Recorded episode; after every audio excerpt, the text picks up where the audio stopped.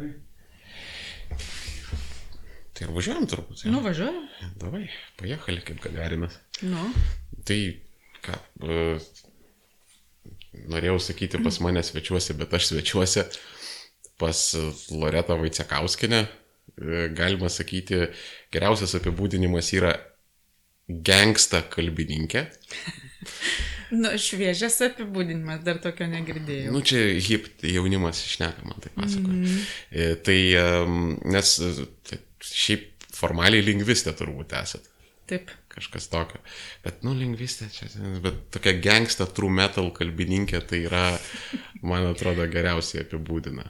Jūs e, pirmas iki akiratyje pas mane pasirodėt, kada čia buvo kokie 2013 metai, regis 15 minučių straipsnis, kai parašėt, ar gal komsomolkė buvo, dabar neatsimenu, principę surašėt uh, visas tas mintis, kad ta kalbininkystė ir taip toliau, tai yra, nu, žodžiu, briedas nesąmonė, kalbos kontroliavimas. Ir jau nuo tada uh, prasidėjo uh, tas Vaicekauskinės legenda, kaip tą dalyką pavadinti. Ir tada jau užsifiksavot pas mane radarę. Ir labai gerai atsimenu pykčius kalbininkų. Mhm. Kad va tu, tu Vaicekauskinė, tu išdavikė esi, kaip tu galėjai, va iš bet ko mes galėjom tikėtis, bet tugi, tugi su mumis turi būti, tugi su tom klumpėm ir vyžom turi ten strakalioti ir, ir e, bijoti tų trijų anglosaksiškų raidžių ir ten visą kitą, bet vat, kaip čia dabar taip gavosi? Taip, bet mes turbūt tada kalbam apie 11 metus, nes aš irgi dabar prieš šitą laidą galvoju atsišviežinsiu, pasižiūrėsiu, nuo ko prasidėjo. Gali būti, bet nes aš... 11 aš... metais buvo mano interviu. Aš- Ir, aš tiesiog- ir tada jau iš karto atsirado tas toks siaubingai jokingas šiandien žiūrint, taip nedaug laiko praėjo. Mhm. Toks atsakymas būtent kolegų iš to paties Lietuvų kalbos instituto ir kalbos komisijos, jie tokie simptomiški tiem laikam. O jūsų apskritai daug yra, ta prasme, tų gangsta kalbininkų, nes aš viešumoje tik tai jūs matau ir po to yra ta kita pusė, Mhm. tie visi antanaičiai ir panašiai. Tai mes, žinome, kaip čia dabar pasakyti, ne, aš kenksta terminais nelabai galiu kalbėti, bet mes esame, mano kolegų yra sociolingvistų, tokių, kurie kalbos politikos klausimą judina. Mhm. Tai yra keletas žmonių, jaunesnių žmonių, doktorantų, gerus tyrimus atlieka, tai jau jie patruputėlį pradeda kalbėti iš savo tyrimų, mes vis tiek iš tyrimų kalbam. O šiaip yra dar visas, visas loksnis kalbininkų, kurie tik tyrimais užsijima, ne kalbos politikos tyrimais. Tai jie supranta reikalą, bet jie į viešumą neina. Mhm. Tai va kas yra daug, aš nežinau. Dabar jau sakyčiau, e, pradžioje aš tada jaučiausi labai vieniša tą interviu duodama. Bet e, tiesą sakant, net nesupratau, kad čia tok, toks vajus kils, toks triukšmas kils. Papasakojau, ką planuojam tirti. Tai va, tai tada tikrai buvo labiau gal, labiau gal vienas karys. Nors taikomosios kalbotyros asociacija tada mane paremė. Mhm. Tai yra tų kalbininkų. Ir buvo visada, kurie supranta. O tarkim, proporcija, jeigu išvedus, vat, yra e, tie mūsų ge- gerai žinomi ir mylimi ten, e, nu, įvardinkim metaforiškai juos antanaičiais. Ir e, nu, žmonės, kurie tiesiog sveikų protų naudojasi e, kalbiniuose, lingvistiniuose dalykuose, vat, lietuvių kalbos, lietuvių kalbos toj kalbininkystėje kokia maždaug proporcija išeitų sveiko proto ir jau tų talibų. Nežinau, nes kalbininkystė nėra vien lietuvių kalbos, mes turimgi labai daug tipologų, mokslininkų, kurie kalba, tyrinėja kalbas, tyrinėja. Mhm. E, Nebūtinai prisirišę prie lietuvių kalbos. Yra dar daug labai germanistų, kurie irgi tyrinėja kalbas, Mhm. nebūtinai lietuvių. Ir tiek yra greta, ir jų tyrimais mes vieni kitų tyrimais naudojamės, tai čia labai sunku paskaičiuoti. O tarp lituanistų, tų, mhm. kurie, kurie baigia lietuvių kalbos filologijas, tai tarp jų diduma žinomesnių vis tik priklauso tam, kaip šiandien gerai matom jau, sovietmečių susiformavusiam kalbos nauja kalbė kalbin, vadinant mokslu, nors ten su mokslu ne, nelabai kas, kas siejasi tam darbe. Tai nu. jų yra ir ta visa mokykla išlaikoma iki šiol, mokant studentus ir jaunus žmonės, mokant išlaikoma va šita iki mokslinės kalbotyros mhm. mokykla. Bet kas yra be galo įdomu, tai dalis iš tų žmonių užsijima moksliniais tyrimais. Tai toks kažkoks keistas susidvėjimas, nes užsijima moksliniais tyrimais ir kartu gali kalbėti mokslo vardu apie kalbos reguliavimą. Ir jiems netrukdo šitie du dalykai.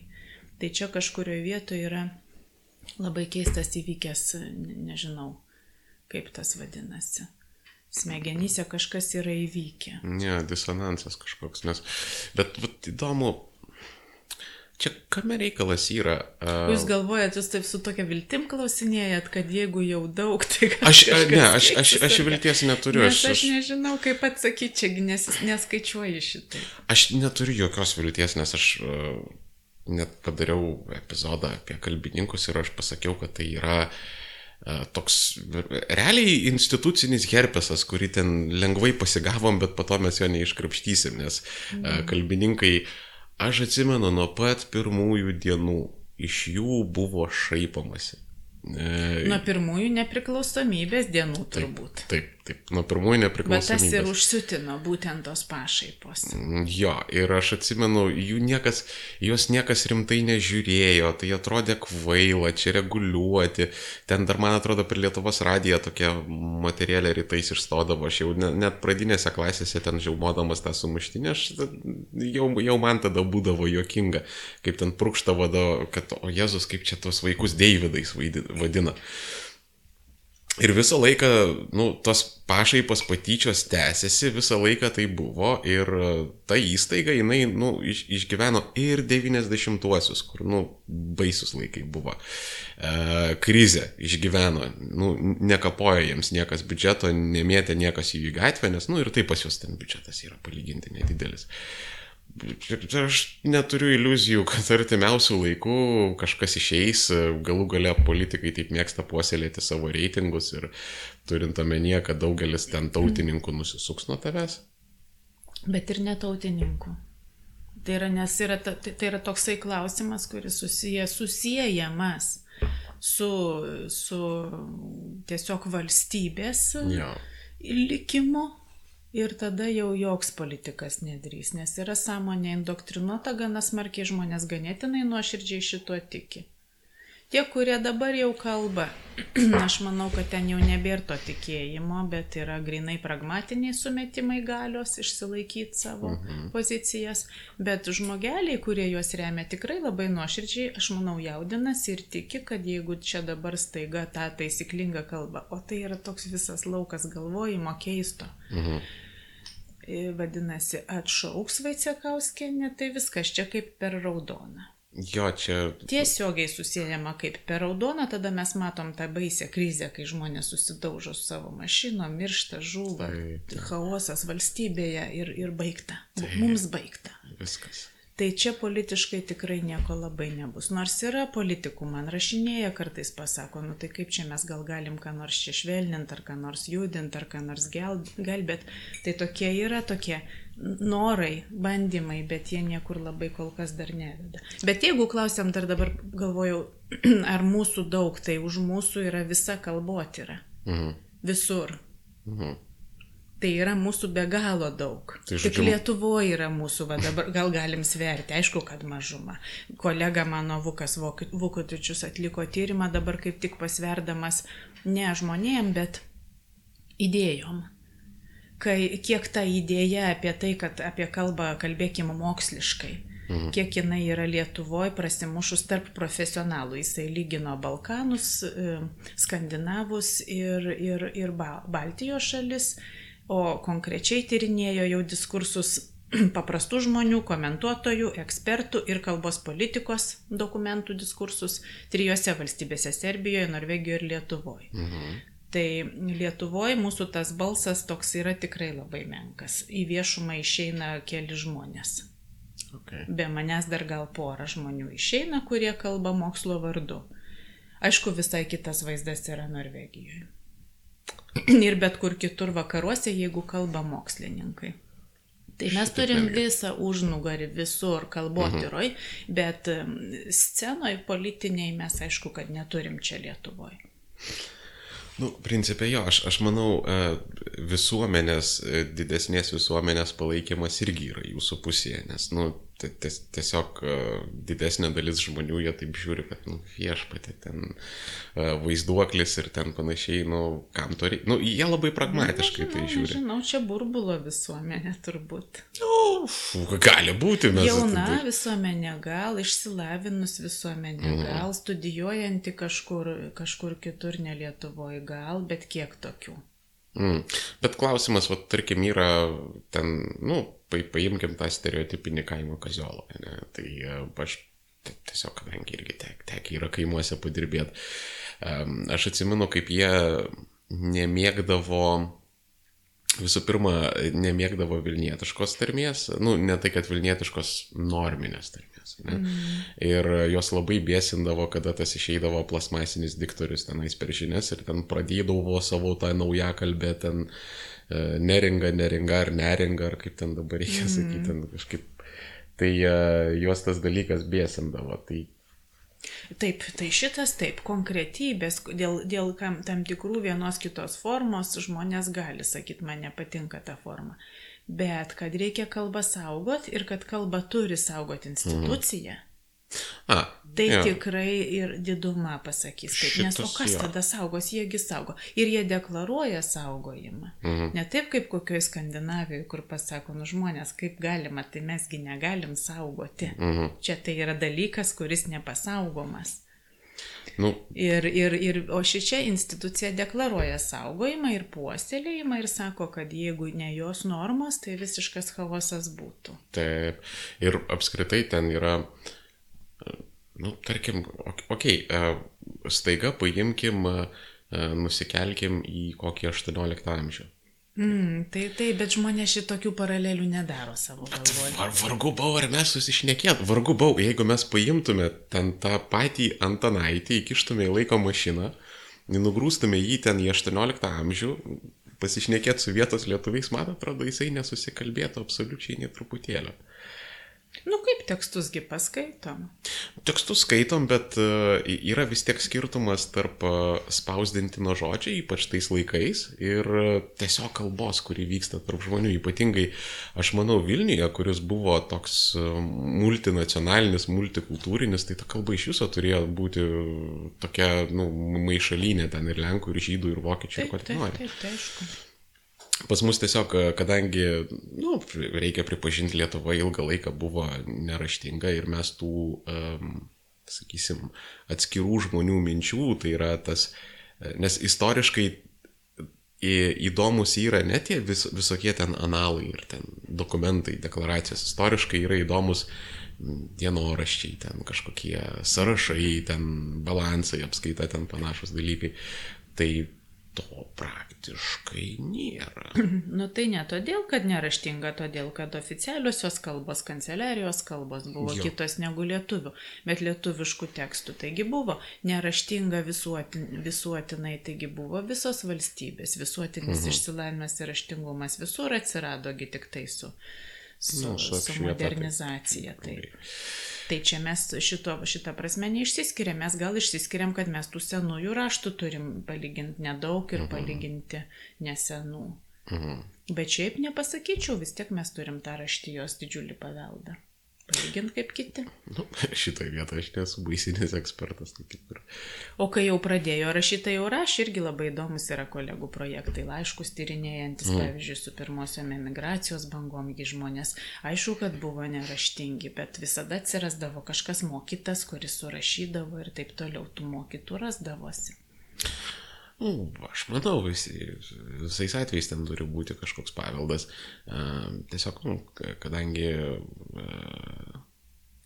vakarietiškos valstybės tai pradėjo daryti seniau ir nu, jo- jos tiesiog pačios iš savęs buvo turtingesnės, tai to daugiau pas jos yra, nes, nu, elementoriškai kažkada popierius buvo prabangos prekė, kaž, kažkada Taip, taip, tai aišku, aišku, bet čia per visą Europą eina, taip, per visą vakarų Europą panašiai. A, Absoliučiai, mes ap- O apskritai. mesgi ne centre, mes vis tik periferijoje esam, tai tas ateidavo iki mūsų. Kai kas istorikų tyrimai rodo, kad beveik vienalaikiškai, kai kas mm. truputėlį vėluodam, vė- vė- vėliau.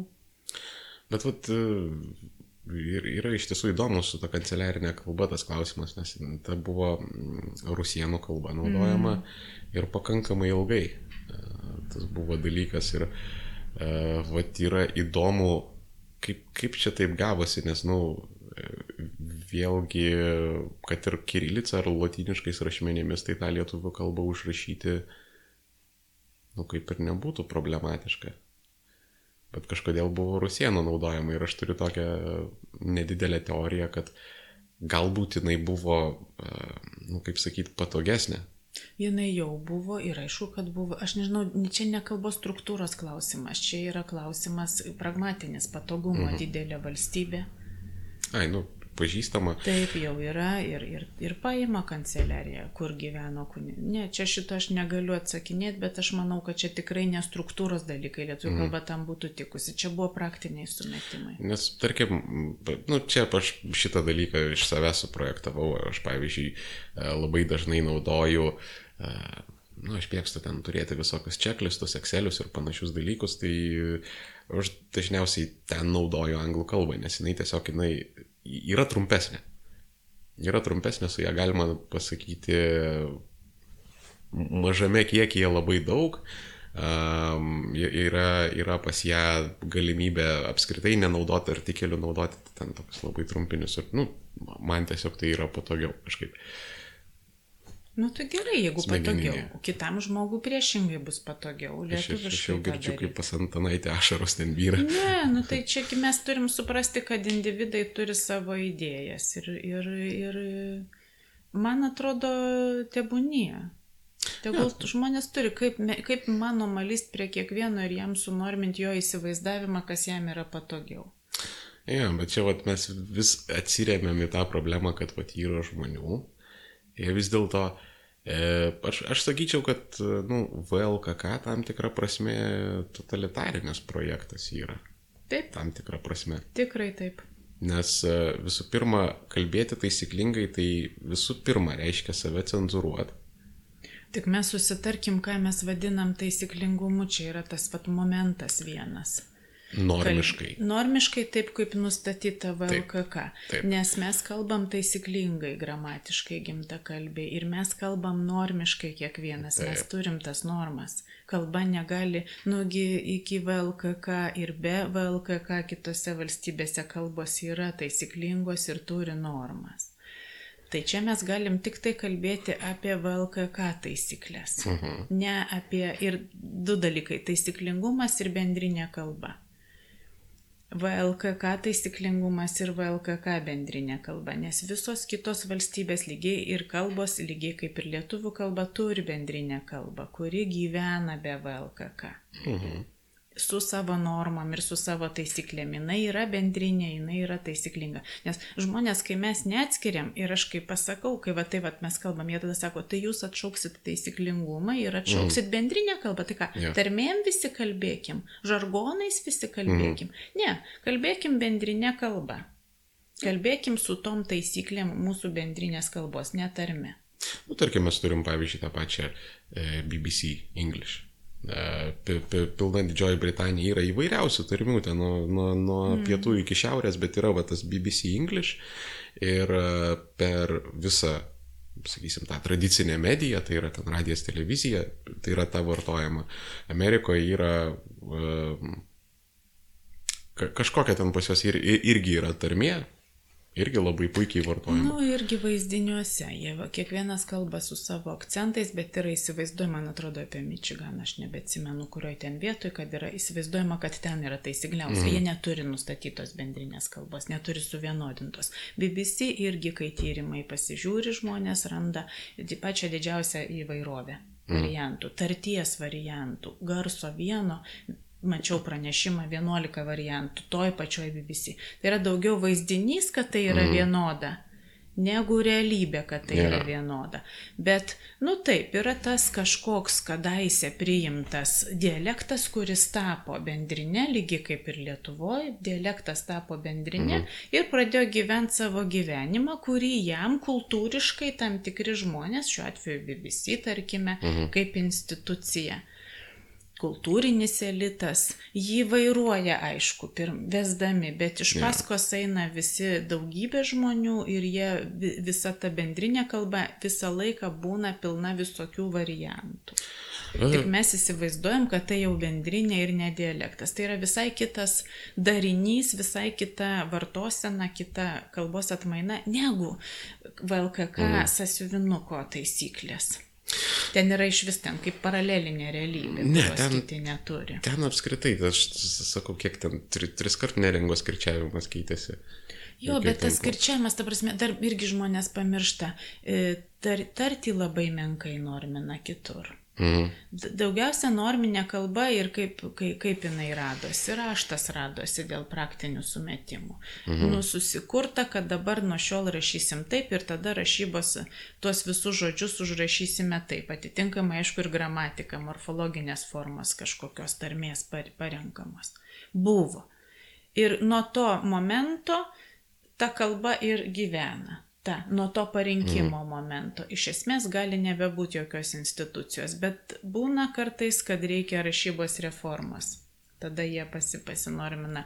Ir tai ta rašybos reforma pakeičia kokią nors vieną mažytę, mažytę taisyklę, nes mhm. niekada negalim, tu ne, ne, ne, ne, nepriversi mūsų dabar rašyti, tarkim, kaip rašė Maironis XIX mhm. amžiaus pabaigoje. Tai buvo visai kitas rašybos standartas, dar tuo metu to vieno visiems ir nebuvo priimta mhm. ir autoriai rašė, kaip jiems rašėsi, kūrė patys tos standartus, konkuravo mhm. tais standartais, susišnekėjo, paskaitydavo.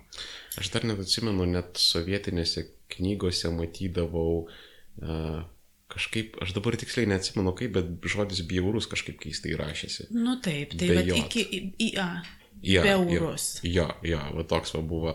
E, smetoninė spauda esu vartęs, tai ten apskritai, ten vieną, vieną atsiverti parašyta vienaip, kitą atsiverti kitaip. Tiesiog ten. Ir šiandien mes randam įvairių tų rašybos variantų, bet kadangi jau yra priprasta, kad mokykla moko, taip visose bendruomenėse, kadangi priprato, suvienodėjo per visuotinį švietimą, ta mhm. idėja, kad visi rašysim vienodai per mokyklą, tai da, šiandienos laikais tas nukrypimas jau veikia kitaip žmonės, mhm. negu kad veikdavo, tarkim, anksčiau gerokai prieš šimtą metų. Jau mes nervinamės ir vadinam beraščiais tuos, kurie parašo pažįstamą su ilgąją. Mhm. Dar prieš šimtą metų toj kultūroje būtų buvę tiesiog variantas ir tiek. Mes mokslininkai sakom, tai yra relativus dalykas. Mes e, kal- ka- kalbą su, galime, kalbai mm, užrašyti, galim naudoti vairiausias taisyklės. Nu, dabar susitarėm dėl šitos. Galim sutarti dėl kitos. Kai skandinavai, pavyzdžiui, pamato, kad įvairuoja ir sako, gerai, leisim dvi normas. Nes, nu, kam daryti žmonės beraščiais. Mhm. Ir kai leidžia dvi normas, tas beraštis tampa raštingu jau. Mhm. Vat, tai tas momentas labai santykinis yra, bet vis tik aš čia norėjau tik tai pasakyti, kad mes, kai kalbam apie taisyklės, tai kalbam dažniausiai apie rašytinę kalbą, ne apie kirčiavimą, jokių būdų, nes tas yra nesuvaldoma žmonėms. Visiškai. Ne apie tarimą. Gali būti to tarimo kažkokios normos priimtos iš kadaise, sakysime, kad, bet tas visada susijęs su kultūriniais elitais, ne su institucija, mhm. kuri neturi prestižo. Bet su kultūriniais elitais, iš seniai ateinančiai žmonėm gerbiamais vajų tartis, aš mėginsiu tokią pačią. Tas Taip. visi momentėlis atsirado irgi iš to kultūrinio prestižo, vis tik radijas, vis tik kažkas, kas sėdi ten eteryje. Tai, tai gali būti savaiminė raida irgi tokia, kad mes bandome tą, tą pakartoti, jeigu norime gauti tokį irgi prestižą patys. Simbolinė tokia vertė to. Bet VLKK neturi tos simbolinės vertės. Jis bando gaminti, bando būti tuo elitu. Ir kadangi bando per prievartą, Jo. Tai aš manau, kad, nu taip, sąmonė mūsų yra indoktrinuota, žmonės tiki, kad ten kažkas labai gera dirbama, bet, mhm. Bet tokia, jeigu vat panagrinėjai, tai išeina toks labai jau vaizdelis nekoks. Nu, čia su ta kalba iš tiesų pas mane tokios mintis pradėjo suktis. Tai yra labai toks keistas dalykas, nu, iš, iš esmės, nes, nu, kalba yra, da, tai yra garsai, kuriuos mes darom savo veidais, realiai. Nu, padargais. nu, kažkaip jo ten. Uh, ir uh, vat, yra toks fenomenas kalba, ne? Ir tarkim, vat, vat, jūs sakėt, kad vat, kartais keičiasi gramatikos taisyklės. Tarkim, e, anglų kalba yra tokia, nu, libertinė paleistuvė visiškai, ta prasme, iš kitų kalbų prisirenka ten problemų, jei nėra, viskas gerai. Bet gramatika yra kraupiai arhaiška, nes, nu, tarkim, koksai nors žodis plau, arklas, jisai ten rašosi ten su GH gale, nes kažkada... Plūgasgi. Jo, kažkada buvo sakoma ten ploch. Tiesiog ten Middle English ar ten Old English. Ir nuo to laiko va, tas reliktas užsiliko. Rašyba, ne gramatika, rašyba. Čia. Jo, rašyba. Nu, aš valstietis, tai ką aš čia padarysiu. Na, bet tai taip, nes bet, mes matom kitaip, mes matom parašytą vienai, potarimas yra kitas. Jo. Taip. Ir, tarkim, buvo siūlyta nemažai reformų. Ten, man atrodo, nuo 19 amžiaus buvo kalbama apie reformas, kad tiesiog keisti rašybą kartu Pagal su tarkim. tarimą, taip. Absoliučiai priešinasi. Ir aš netgi sėdžiu ir aš galvoju, nu, e, gerai, aš nesu native speakeris, aš esu įvaldęs tą kalbą, bet man pradėtų trūkčioti akis, jeigu kažkas pakeistų tą gramatiką. Taip, tai dar tarimą. Britai, Britai, Prancūzai labai priešinasi, bet visi priešinasi. Mhm. Skandinavijoje, Vadanijoje vyko, tai vadinosi majonezo karas, nes dėl žodžio majonezo rašybos buvo pabandyta pakeisti, įvyko majonezo karas. Nes žmonės, tai aišku, kad natūralu, tu išmokai tai prašyti, dabar tau vargintis kitaip. Mhm. Visi priešinsis, nes tuo metinis rašymas žmonėms atrodo norma. Jo. Ta vienintelė, tas standartas, tas teisingasis, mesgi pagal save matuojam. Žmonėms vis viena, kas prieš šimtą metų buvo. Taip. Šiandien tai yra standartas. Kaip man matyt, kad mano vaikas rašo kitaip? Mhm. Kaip man tą toleruoti? Kad aš blogai ar kad jis blogai? Aišku, kad jis blogai. Nu, Nu tai va, tai šitie čia visose bendruomenėse, čia ne tik Britai. Dėl to arhaiškumo tai yra todėl, kad yra ankstyvas labai Mhm. užrašymas tos kalbos. jo. O toliau jis nemėgsta keistis. Ypač nemėgsta keistis, kai yra visuotinis švietimas, kai visi mokykla išmoksta tą vieną. Anksčiau būdavo lengviau pakeisti. Vienas autorius vienaip galėjo rašyti, kitas kitaip, mes tą irgi iš mūsų istorijos turim. Daukantas mūsų rašė Lietuvos istoriją, ten, na, kolega profesorius Gedrius Subačius panagrinėjo, kitoj pačioj knygoje keitė, tam pačiam puslapį skirtingai rašė, jis eksperimentavo. Mm. Tai, tai tie senieji standartai, danų kalba lygiai tokia pati ankstyvas užrašymas, tarimas visose, ta, visose kalbose keitėsi, mhm. nes tai yra gyva kalba nuo kontaktų žmonių. A.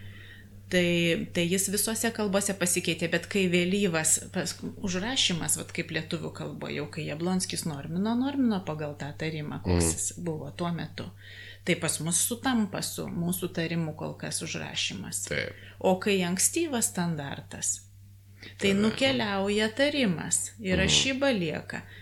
Bet pakeisti su, su, manau, kad būtų neįmanoma. Tom tarptautiniam kalbom iš viso neįmanoma, nes jųgi mokosi visam pasaulyje, bet pati bendruomenė protestuotų. Vieną kitą žodį pakeičia, paprastai padaro taip, kad ir antrą variantą leidžia kaip norminį, mhm. tada mažiau piktumo. Ir tada gali būti, kad tas antrasis naujesnis ilgainiui užima pirmojo vietą. Aš atsimenu vokiečių kalbą, kažkada mokiausi mokykloje, tai buvo įvykęs pasikeitimas, ten pas juos ta buvo raidė tokia SC, tokia keis- keista kaip B raidė. Mhm. Ir po to tą reikalą pakeitė į dvigubą S. Ir atsimenu, irgi buvo iečių prilaužyta, net, net per ten, šit labai tas seniai buvo, ten viešpatė, dar iPhone'ų nebuvo, kaip, kaip tą dalyką pakeitė, tai e, net Lietuva pasiekė žinios, kad vokiečiai jau ten buvo nepatenkinti, tai man regis net kažkurį laiką buvo padarę, kad tokiai galim rašyti abiem. Taip, taip, taip, tai Bet taip, ten- tik tai ir būtų. Taip ir būtų, nes varduose, nu tai vis tiek senigi tekstai lieka su ta rašyba galų gale. O vat toks vat klausimas, vat man įdomu, tarkim, gerai, vat minėjot, Jablonskis normino kalbą. Taip, ten darots ta Zanavykų tarmė buvo pasirinkta kažkur ten su Valkyjos mm. glūdomos. Reiškėsi, čia kokiu ar tai arbitraliai tiesiog, kad Vat šitą dabar paimsim kaip tą norminę ne, bendrinę. Ne, buvo politinės priežastis. Aha. Vis tik ten tas elitas kultūrinis buvo kilęs, iš ten Aha. savo kalbą jie parinko. Paskui buvo tradicija jau rašto. Mhm. Vienas iš rašto variantų buvo jau naudojamas mhm. ankstis, anksčiau. Ir mažojoje Lietuvoje taip pat. Mm. Tai kaip ir pratėsi tą tradiciją, nors buvo įvairių siūlymų, bet ši čia tai kelios priežastys sutapo. Turtingiau gyveno, gavo išsimokslinimą, lietuviškai daugiau kalbėjo, -hmm. lietuviškai daugiau galėjo jau rašyti ir todėl tą ir paėmė. Tai realistiškai šnekant, jeigu būtų buvęs elitas kur nors nusėdė šiauliuose, tai dabar mes kaip geziukai turbūt šnekėtume. Ar būtų įprasta? Nebūtų, nes tas mums neskambėtų kaip geziuko. Suprantate, tas ateina paskui, asociacija ateina. Bendrinė paskui. kalba skambėtų kaip gezas. Galėjo būti sostinės, mes galim mm. svarstyti. Tada mes rašytumėm mokytojas su jį trumpąją. Rašytumėm mm. pagal tarimą. Galėjo būti aukštaičių ta tarmė, kuri, kuri suvalkiečių, lyginant su suvalkiečių mm. ilgumais, ištarė nekirčiuotą garsą trumpiau. Mm tada mūsų vaikai šiandien būtų visiškai pirmokai neturėtų problemų, rašydami mokytojas. Mm. Bet, bet tą paliko dėl to, kad iš tikrųjų dėl istorinių priežasčių, dėl anksčiau įvykusių tyrimų, dėl tokio įsivaizdavimo, kad ten yra kažkokia geresnė, mhm. Senesnis variantas, visokių ten tų nuomonių, bet ypač tai, taigi politinis sprendimas. Mes neturėjom lietuvių kalbos elitinės nu kaip tai buvo elito, raštingų žmonių, mhm. nes jau buvo rašoma, bet tokio to sluoksnio, kilmingo sluoksnio, iš kurio būtų, į kurį būtų, kuris būtų gyvenęs sostiniai savo rūmose ir į kurį mhm. būtų orientuojamasi, tokio mes neturėjom, tai mes paėmėm tiesiog tarmę kaimo. Mm. Nu, jo principė tas elitas buvo arba lenkakalbiai, arba vokiškai kalbėjo. Man istorikai net pasakodavo, kad um, tiesiog skaitai smetonas kalbas ir tu matai, kad struktūriškai tai yra vokiškai sudėliota. Na, nu, tai visiškai. taip, tu matai, bet ir šiandien gali matyti tokių dalykų įtakos. Taip, tai, tai visiškai tvarkingas sprendimas, kažką reikėjo parinkti ir nebuvo mhm. nelogiška tuo metu. Ne, aš net nesiginčiu, čia logiška, nelogiška, man tiesiog vat, buvo įdomu, vat, kokiu būdu ar ten pakėlė šlakas. O paskui po truputėlį žmonės pradėjo mokytis per ra rašybą. Aišku, mhm. kad sakytinė kalba įvairavo. Mes net turim sovietinių įrašų, ganėtinai dar daug tarmės akcento girdėjosi po karo. Mhm. Paskui jau ėmė vienodėti, nes raštas darė savo. Žmonės vienodina savo kalbą pagal raštą. Raštas turi didžiulį prestižą. O tai kaip tada gaunasi, kad, e, tarkim, nu, ištakos VLKK ištakos yra sovietmetis iš esmės.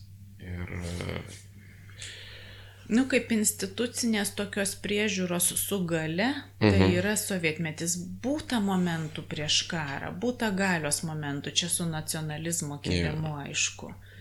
E, būta noro ten prižiūrėti, bet kadangi buvo demokratinė valstybė, nelabai ten kas sekėsi. Mhm. Tu negalėjai tiesiog žmonių, tu negalėjai rašytojų, pavyzdžiui, kultūrinio elito priversti kalbėti pagal nurodytą normą. Mhm. Rašybą taip, rašybą žmonės priėmė. Mhm. Jablonski tikrai dievino už tai, kad jisai sutvarkė tą rašybą. Mhm. Bet tik netarti ne žodžių parinkimą, ne formų parinkimą, kaip kad šiandien mes kalbam su VLKK. Mhm. Tai šitas negalėjo įvykti. Buvo to tokio, aišku, atsirado jau tuo metu to nacionalizmo. Ir netgi va šįmet kaip tik klausiausi konferencijoje įdomu labai pranešimą, kaip išplito nacijų e, kalbos, nacijų kalbininkų, profesionalų, kurie buvo nacijai visas tas diskursas apie gryną švarę, e, švarę mhm. kalbą, kalbos valymą ir taip toliau nuo visokių svetimų elementų, tokių ir lietuvių kalbininkų buvo ir mes matėm, kaip išsiveža į Ameriką su emigrantai, šitas diskursas pasklinda šiaip jau. Mhm ir paplinta ganėtinai, paskui jisai nebetenka savo tos nacistinio šleifo, bet tas grininimo momentas yra iš tų laikų. Mhm. Labai smarkus. Nauja banga, palyginti su purizmu, kurie buvo tokie naivieji, kai kūrėsi tautinės valstybės. Čia buvo, ėjo per Europą ta banga šiaip jau. Mhm. Tai va jisai lieka ir jis kažkiek užsikonservuoja pas mus. Mhm. Nežinau, kodėl sovietams tas buvo paranku, aš, mes negalime atspėti, bet užsikonservuoja ta e, reguliuojamoji kalbos priežiūra. Mhm. Ir jinai sutampa kažkiek, pratėse tą jau, kas ėjo Lietuvoje prieš karą, tą grininimo diskursą, yeah. kuris buvo toks, nu, nacionalistinis. Mhm. radikalus ganėtinai, kam nepasidavė kultūrinis elitas, buvo kovų, mhm. prie sovietmečio teko pasiduoti. Ir kažkiek sutapo, aš taip suprasčiau, sutapo su ta cenzūra, nes reikėjo patikros, turinio patikros. Ir kai mes kalbam apie kalbos patikras, čia greta yra turinio patikros, kas ten paskui mhm. be atskirščia. Toks klausimas, kurį net nejauku, nejauku viešinti, nes kažkas ten vyko tuo metu su cenzūra. Mes žinom, kiek prie to prisidėjo būtent kalbinė cenzūra. Ar čia tiesiog sutapo ideologiškai, kad cenzuruojam viską dabar jau? Sunku pasakyti, nes vienas diskursas yra, kad kalbininkai tuo metu gelbėjo ir saugojo ir mhm. tą mesgi žinom, daug pakaitų buvo kūriama Mhm. Nes nu, atėjo daug rusicizmų tuo, tuo metu į lietuvių kalbą, į būtinę kalbą, siūlė pakaitų, kaip ir grinino, tęsdami tą tradiciją grininimo dar iš prieškario. Mhm. Tokia maišytos prigimties mhm. tradicija. Ten vis, visokių nuostatų ten pinėsi. Ir paskui užsidėjo tas sovietinis momentas, kur Iš tikrųjų, per Maskvą atėjo įvairūs įsteigimai kalbos kultūros, mokslo, pavadinimas to dalyko mokslu mhm. yra grinai sovietinis, nes tai, kas buvo vėl pinėsi momentas iš prieškario, aš čia sudėtingai kalbu, klausytojams bus labai sudėtinga, bet tegul jūs supraskite žmonės, kad tai yra reikalas ne vienaprasmiškas, kad jis yra sudėtingas, istoriškai yra netgi sudėtingas. Žodžiu, buvo prieš, prieš kai kūrėsi kalbotyra, buvo tų momentų iš čekų ateinančių Prahos lingvistinio burelio, jie kūrė kalbos kultūrą, tas pavadinimas iš ten, bet tai buvo noras moksliškai pasižiūrėti, kalbos norminimą. Tuo metu jiem reikėjo reformuoti seną čekų kalbos standartą. Jis mhm. buvo labai labai nutolęs nuo tuo metinės jau kalbos ir ten dalyvavo mokslininkai. Bet ir mūsiškiai prieš karių tos kalbos kultūros irgi bandė gaudyti iš čekų, bet sovietmečių viskas pasikeičia, užsideda kažkokių momentų keistų. Mhm. Pirma, tas kalbos kultūros mokslas nuvažiuoja nuo mokslo labai toli, lieka tik mokslo etiketė. Mhm. Ir pamažu virsta visuotiniu visų kalbėtojų reguliavimu. Ir tas vat, visuotinis visų reguliavimas mhm. jau yra sovietiškos prigimties, vienareikšmiškai. Nors keistų užuomasgų, valymo, tų nacionalistinių mhm. tokių primityvių, radikalių, viena tauta, viena valstybė prieš Lenkus, prie... jų jau buvo prieš karų, čia ne visai sovietų. Kiek tie sovietai pasinaudojo, kiek jie leido tą mhm. daryti. Mes dabar matom, sakau, kalbininkai yra, ne, aš nepavydžiu tiems, kurie tuo metu tą norminimą kūrė, o kūrė, iš esmės buvo ten lyderių ir buvo tiesiog pritarenčių, nes maišėsi jausmai, maišėsi tas momentas, kad mes kovojam ir valom, kad mes mhm. saugom. Kitas momentas, kad sovietmečiųgi atsirado televizijos laidos, kalbos kertelės, bureliai, patikros, taip toliau. Taigi buvo valdžios legitimuota. Jau. Šiandien tą pavadina pogrindžiu mhm. kalbininkai. Sako, mes grinai pogrindyje darėm. Bet kai pasižiūri visą reikalą, koks pogrindis, viskas buvo legitimuota. Netgi kalbos kultūros žurnalo steigimą mes matom, kad inicijavo Maskvoje. Rusijoje prasidėjo, mhm. prasideda ir pas mus. Žodžiu, labai dalykai yra įvairūs. Ir Nu, čia Bet kaip... Šiandien tai jau vėl kitas reikalas. Mes vėl demokratiniai valstybei mhm. ir tada klausimas, o kas vyksta, kodėl mes dirbam sovietiniais metodais su kalba? Kodėl mes, kai atsivėrė sienos, mokslas, bibliotekos, vis dar naudojam šitą kalbos kultūrą kaip mokslą, tą reguliuojantį momentą? Kodėl kalbininkai sako, kad jie yra kalbos kuriejai? Kodėl jie sako, kad bendrinė kalba lygų institucijos taisyklės? Va šitoj mhm. vietoje jau mes turim tik tikrai tą paveldą, nu nenorit to žodžio sovietinis, galim nevadinti, galim neieškoti jo prigimties, bet jis yra jau komiškas, kai mes šiandien esam demokratiniai valstybei, vakarų bendruomenės Taip. dalis. Apskritai. A, monologas buvo ilgas, dabar aš palauksiu. Ne, čia reikia išpakuoti labai daug iš šito monologo. Tai visų... Reikia padėti klausytojams, jūs dabar padėkite to, ką tašką sakiau. Ne, aš gal savo padėsiu, nes... Aš, aš, aš savo padėsiu, nes aš smūgį jau priėmiau ant savęs. tai man, man taip tada gaunasi, kad realiai ta kalbininkystė, nu ta VLKK kalbininkystė, įvardinkit taip. Kalbos tvėrimas. Taip. Žodis tverti yra draudžiamas. Taip, kalbos tverimas. Tai e, iš esmės tai nėra mokslas, tai yra realiai ideologija. Taip. Grubiai išnekant. Ir toliau mes turim e, tą paveldą ir aš taip įtarčiau, kad tai yra susijęs su e, progresyvizmo idėjom, nes visas ten, komunizmas, visas nacizmas, fašizmas yra iš to XIX amžiaus e, progresyvizmo sakysim, benkartai.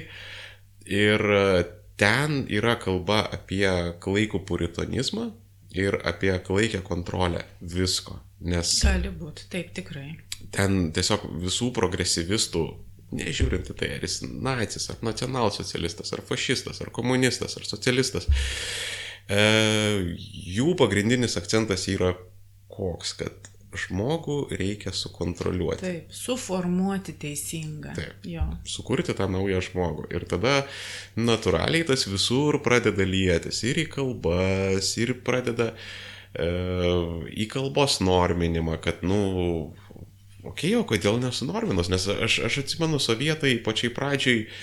E, tas pirminis laikotarpis, ten plus minus e, pilietinio karo laikai, tai grubiai paėmus, Tai Sovietų sąjungoje jie tengi masiškai puolė tą kalbą e, naujadarų prikūrė, ten abreviatūrų, ten fetišas buvo ant mhm. abreviatūrų pas juos, ten ant visokio akronimų, panašiai, vardynus išleido ten oficialius. Ten. Taip, bet čia jau sąmonės keitimui buvo skirta. Jo, jo. Čia jau sąmonės keitimui, čia trupučiuką ne tas pats kaip norminimas kalbos. Drįščiau pasiginčyti. Nu kaip dalis, nes... prie, priedanga, nes tai yra, buvo skirta ideologiniams tikslams. Jo, nes, na, nu, aš kaip, aš dažnai, kad ir pasižiūriu į tą VLKK, nu, aš irgi ten matau tos tokios vulgariosios tautininkiškos ideologijos, ten nusiskyšant. Ir... Na taip, iš šito taip, aš kai galvoju apie vakarietiškas bendruomenės, mm. kurios tą irgi pergyveno, tą visą šitą e, normos vajų, kur mes efektyvizuosim visuomenę, modernizuosim visuomenę. Taip tai jų nebuvo paskatos per sa, sąmonę perkurti. Ne. Ten nebuvo būtent nei akronizmų, nei naujakalbės, nei nieko. Kur. Ne. 84-ųjų ten nebuvo, ta prasme, bet buvo tas irgi mokykloje, žiniasklaidoje visur, kad mums reikia efektyviai komunikuoti visiems vieną kalbą. Mhm. Todėl mes turėjom pasinorminti. Bet tas pas juos baigėsi apie 70-mečio pradžią, nes atėjo humanitariniai ir socialiniai mokslai, mhm. kurie pradėjo studijuoti visuomenę ir, ir gan, ganėtinai greitai pradėjo keistis mhm. ir kalbos politika su tų mokslo raida. Nu, ne vienalaikiškai. Politika ėjo iš paskos visą laiką. Mhm. Bet paskatos buvo kitos negu, negu sovietizuoti sąmonę. Aš nemanau, kad e, apskritai, kada yra, aš, aš net nemanau, kad VLKK e, sėdinti liaudis, jie e, gal vienas kitas nusirovėlis, ten koksai vidinis, ten Henry Kissingeris, galbūt taip galvoja, bet aš manau, kad absoliuti dauguma tikrai, e, vat, kaip jūs sakėt, jie nesusimasto apie tos 84, jie negalvoja tais orveliškais terminais, kad dabar pakeiskim jų sąmonę ir jie čia save cenzuruos. E, man, taip, taip, tikrai ne. Tikrai man atrodo, ne. Šiandien laikai kiti, matai, mes kalbam dabar vis, mes supa, sumaišom laikus. Pradėjom nuo, soviet, nuo sovietinės valstybės pradžios, ar mm. ne? Ir iššokom dabar į 21 amžiaus VLKK. Tai Taip. Tikrai, tikrai aišku, kad kiti laikai šiandien tą daro iš inercijos ir aš sakyčiau labiau iš paskatų savisaugos. O ką daryti? Jau pradėjau. Ir, ir savisaugos, ir, nu, elementoriškai čia tokia biški Nürnbergo gynyba kvepia, bet aš manau, ten pakankamai reikšminga dalis žmonių tiesiog jie dirba savo darbą. Jie vat ateina, Nu, iš kažkur kažkas parašė kažkokią instrukciją. Nu, okei, okay, pa, pa, panorminsim, patversim ten kažką tais. Bet, tarkim, kalbant apie dabartinį komisijos pirmininką, Audrį Antanaitį, tai aš tokį pasikeitimą pajaučiau, nes anksčiau VLKK jinai tokia buvo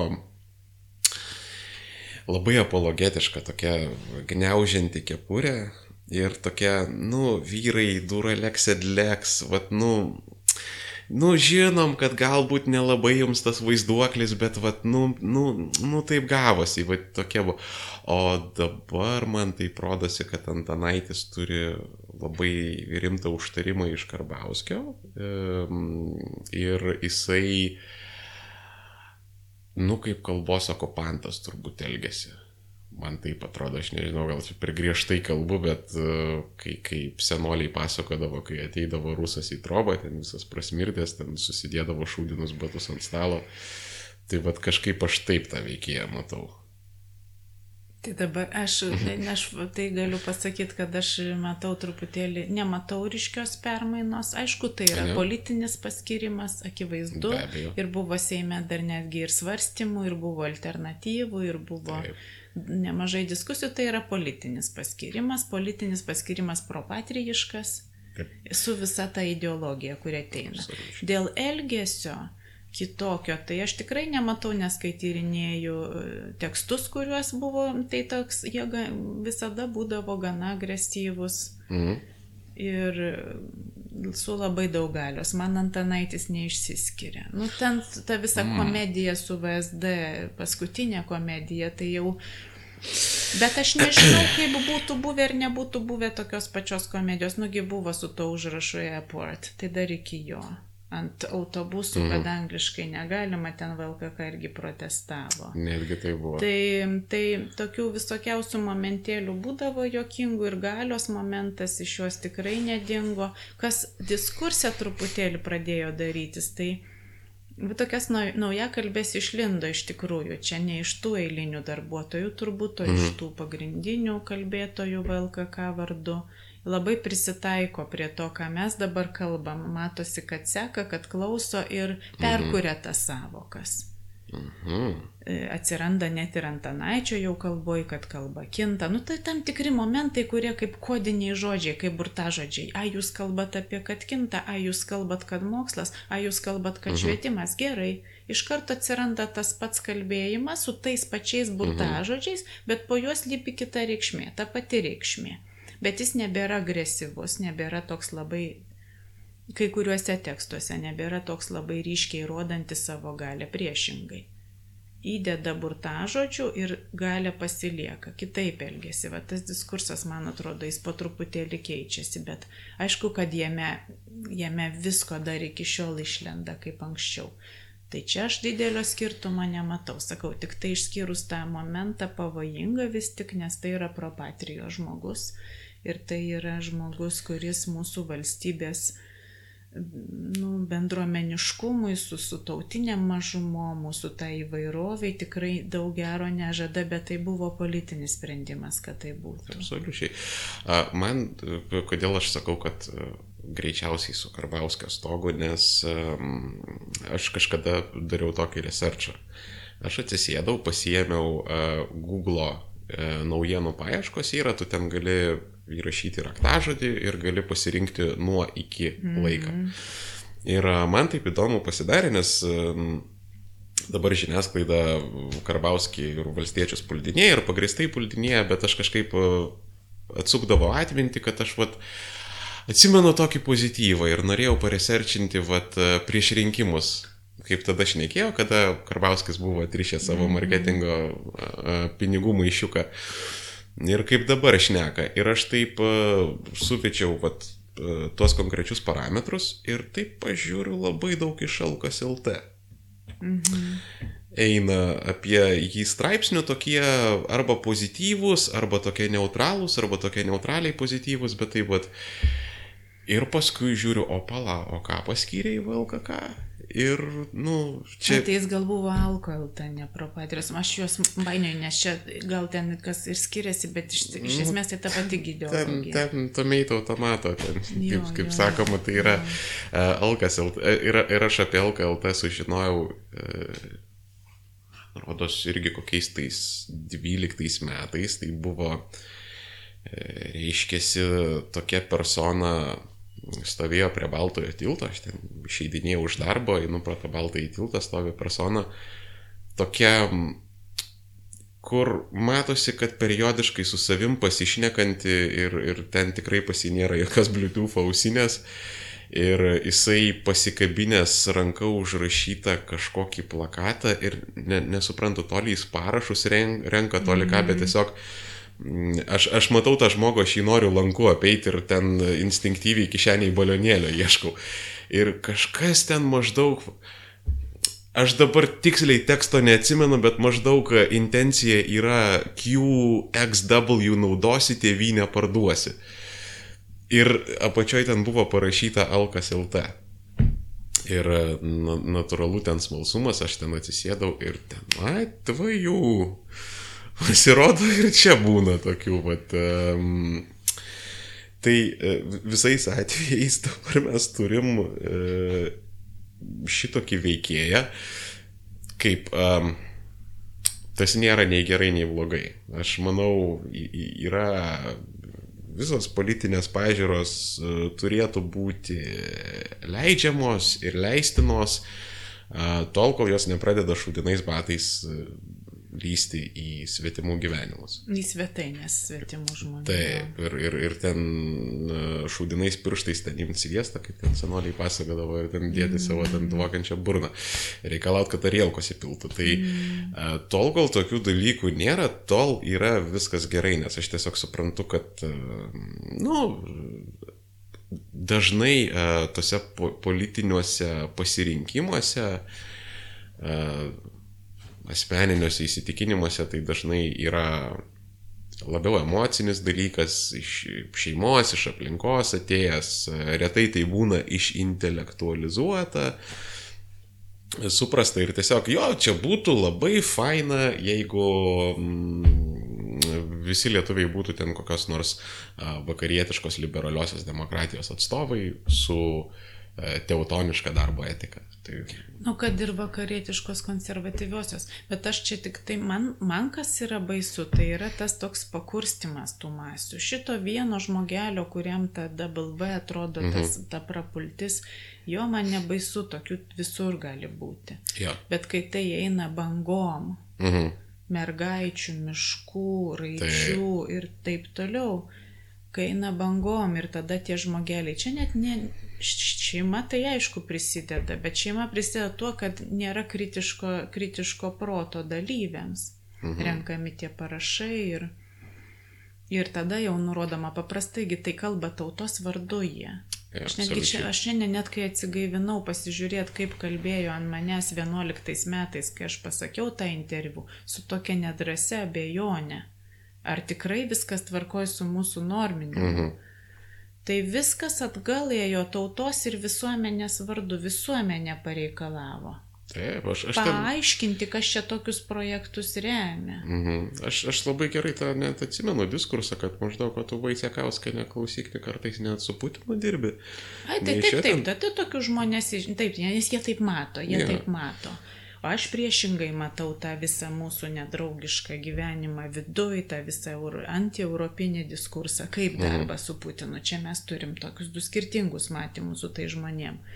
Bet, bet vis tik mesgi matom ir, ir išknisa žurnalistai galus iš kur ateina tie diskursai, kieno išprovokuojami jie yra, kas ten už virvučių ką tampo, nes eina bangom didžiuliam, o ne pavienis žmogus tas raidės nusip.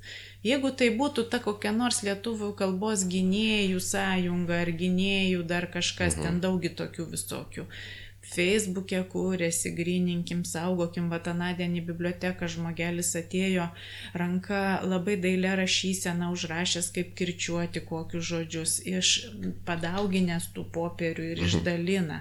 Tai yra viskas tvarkoj. Yeah. Žmogus niekam nekenkia, jis nuoširdžiai nori, tai va jo toks būdas. Šiut šizofreniška, pripažinkim, bet tvarkoj. Tegul, tegul. Yeah sakau, tos visos grupės su, su tautiniam vėliavom, bet jie vat savinasi, net kad savinasi, nu taip, jie turi irgi tą valstybę ir jos matymą. Mhm. Bet savinasi vardą visų. Aš niekada nekalbu tautos vardu. Mhm. Taip, tiesiog tai. Kalbu daugiau, daugiausia mokslo, nes, nes atstovauju, tai irgi dar net nelietuviško. Bet, bet va šitas vat momentas yra jau mūsų toks, sakyčiau, labai, labai liūdnas. Iš vienos pusės yra labai liūdna, aš... Man sunku pasakyti, ar čia tiesiog yra žmogaus prigimtis ieškoti kažkokio priešo, ieškoti kažkokios isterijos. Ar tai yra tam tikras, kaip anglai sako, kaupinimo mechanizmas, kada uh, E, pas tave asmeniškai kažkas yra negerai. Tu ieškai kalto. Jo. Taip, taip nu taip, taip. Nes, taip. E, tarkim, Klonio gatvėje ten e, pas, pastoviai būdėdavo, iš, ištisai ten žmonės būdėdavo, ten komūna tokia buvo. Ir, nu, logiškai mąstant, tikrai ne visi jų dirbo. Nes nu, tiesiog joks darbdavys, aš, aš einu pasaugoti ten mergaitės, nu, tai tau darbdavys vieną dieną pasakys, ate, nu, tiesiog natūraliai. E, ten buvo daug bedarbių, daug pensininkų, daug, nu, mm. tiesiog, um, kada tu esi nereikalingas ir kada tu jautiesi nereikalingas, uh, aš, aš pats save labai gerai atsimenu, pas mane buvo labai blogas, labai tamsus laikotarpis, tai buvo krizė. Septintų metų ten praradau darbą, ilgai ten be jo buvau, ten e, iškritau iš universiteto, ten jaučiausi kaip paskutinis šūdo gabalas ir aš tada norėjau sudeginti pasaulį.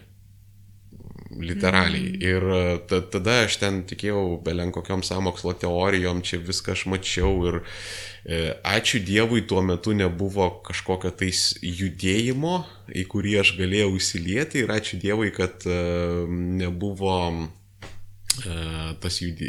jeigu būtų tas judėjimas, kad jisai nu, net, neturėtų įtakos. Tai e, dabar nu, yra labai daug tų nereikalingų žmonių, yra labai daug uh, marginalizuotų žmonių. Apleistų socialiai iš tikrųjų. Ja. Apleistų socialiai čia pas mus ta, ta tokia vadinamoji, toks terminas labai nekoks, ta socialinė rūpyba. Ja. Bet, bet šitą prasme mes esam labai tikrai marginalizavę žmonės.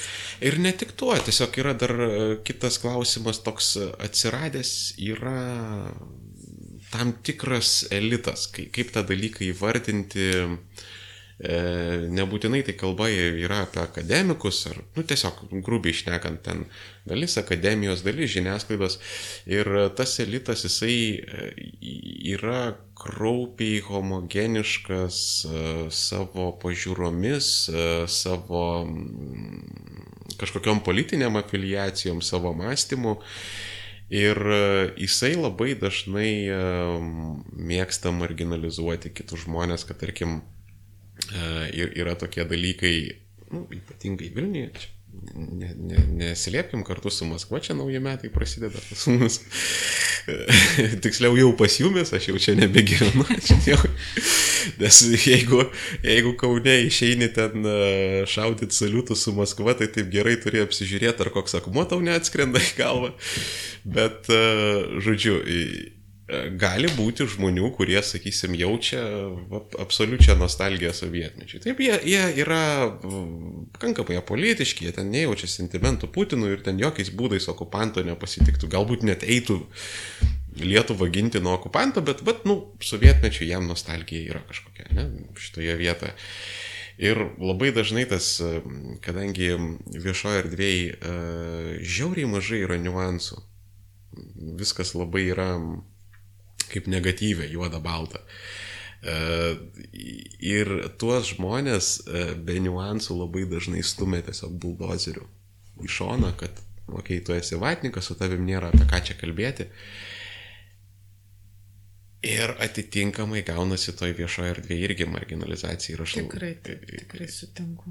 Jo, ir aš matau, kaip um, mano akiratį papuola periodiškai jaunimo, kurie ten, tu prasme, nu, jaunimo 18-19 metų. Ko mano laikais beveik nebuvo, vad Vilniuje, kada man buvo 18-19 metų, beveik nebuvo tokių dalykų, kad, tarkim, kažkas eitų ir sakytų, homoseksualizmas yra lyga iš jaunimo, ne, ten tarkim. Mm. Ten e, būtų prieš alkoholį, narkotikus ir rūkalus. Ne? Nes mano laikais ten buvo hip ir cool, ten rūkyti ir alaus gerti ir, bet žinoma, kadangi visi jauni būdom, tai apsivendam labai greitai, bet, žodžiu, dabar vat tokie keisti laikai, aš nežinau, nežinau net kaip tai vertinti. Kol kas nėra nei gerai, nei blogai, bet uh, aš tiesiog esu pratęs, kad, uh, nu, kalbant apie LGBT klausimus, daugiau mažiau ten, sakysim, ten visi mano bendramžiai, nu, tai jie buvo tokie, kad mes vartodavom žodį pydaras, bet uh, mums širdis neskaudėjo dėl to. Dabar visokios eitynės prasideda, ten laiškų siuntinėjimai ir panašiai. Tai... Jo, jo, jo, jo, jo, bet tai tos, jis eitynėsgi buvo ir anksčiau prieš. Jo, irgi sutelkdavo tą, kaip jie ten vadina, tautiškai susipratus, nes tautiškai kažkaip ten turi tą savo pavadinimą. Nu, ten irgi nauja kalba. Tautiškai susipratę jaunuoliai. Jo, kažkas to. Ir nemato, kad jie yra būtent to paties sovietinio, sovietinio Oi, absoliučiai. diskurso dalis. Nu, gal ir, ta, ir vėl šaknis, aišku, gal nesovietinės. Čia sunku pasakyti, bet ta visa neapykanta kitokiam mhm. trupučiuką. Mhm bent jau aš ką prisimenu, tai jinai buvo baisiai didelė sovietmečių, jinai buvogi konstruojama tokia, būsi vienodas. Segregacijos tai, netgi labai. Nu jo ir buvo. tas diskursas gėjų, žydų ir taip toliau. Taip. Jisaigi nebūtinai iš ten, bet jisai ten, mūsų artimiausia istorija yra iš ten ir mes ja. ieškom ten šaknų. Tai kaip jie nemato, kad jie antilenkiškas, antižytiškas, antigėjiškas, mhm. kas tik nori kaip jie nemato, kad jie... Man tai, man įdomu labai va tas žmonių irgi momentas, tikrai švietimo be galo reikia ir tokio geranoriško supratimo, kalbėtis aš pati Facebook'e matau šiek tiek, man mhm. parašo mhm. žmonės, kurie sutrikę. Tai kaip dabar bus, pasiklausia. Kartais gana tvirtai žino, ko jie nori, ateina į paskaitas, pradedam kalbėtis. Jeigu tu kalbėsi su žmogum, o gerbdamas jį su jo nuomonė, kas yra sunku, mhm. tai iš karto tas žmogus irgi pasijaučia vertingas, būtent čia to vat klausimas, ar aš vertingas su savo nuomonėm, pradeda galvoti, pradeda svarstyti.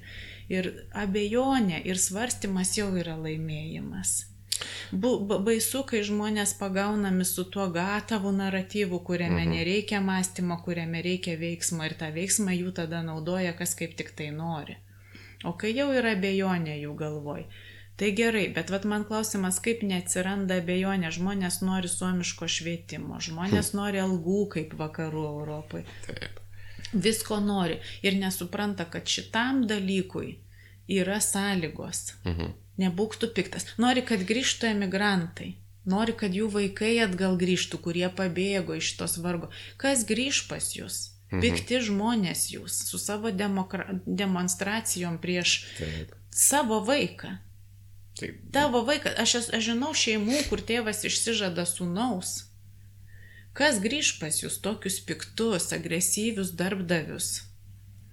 Į šitą valstybę, kuri, kuri, kuri ciniškai vis dar gali dangstyti apsivogėlius europinių pinigų ir taip toliau mhm. ir taip toliau. Tai pažiūrėkite veidrodį, aš taip pasakyčiau. Čia jau piktai sakau. Bet kaip galima norėti dalykų ir nenorėti, galų tada nenorėti eiti žingsneliais link tų dalykų.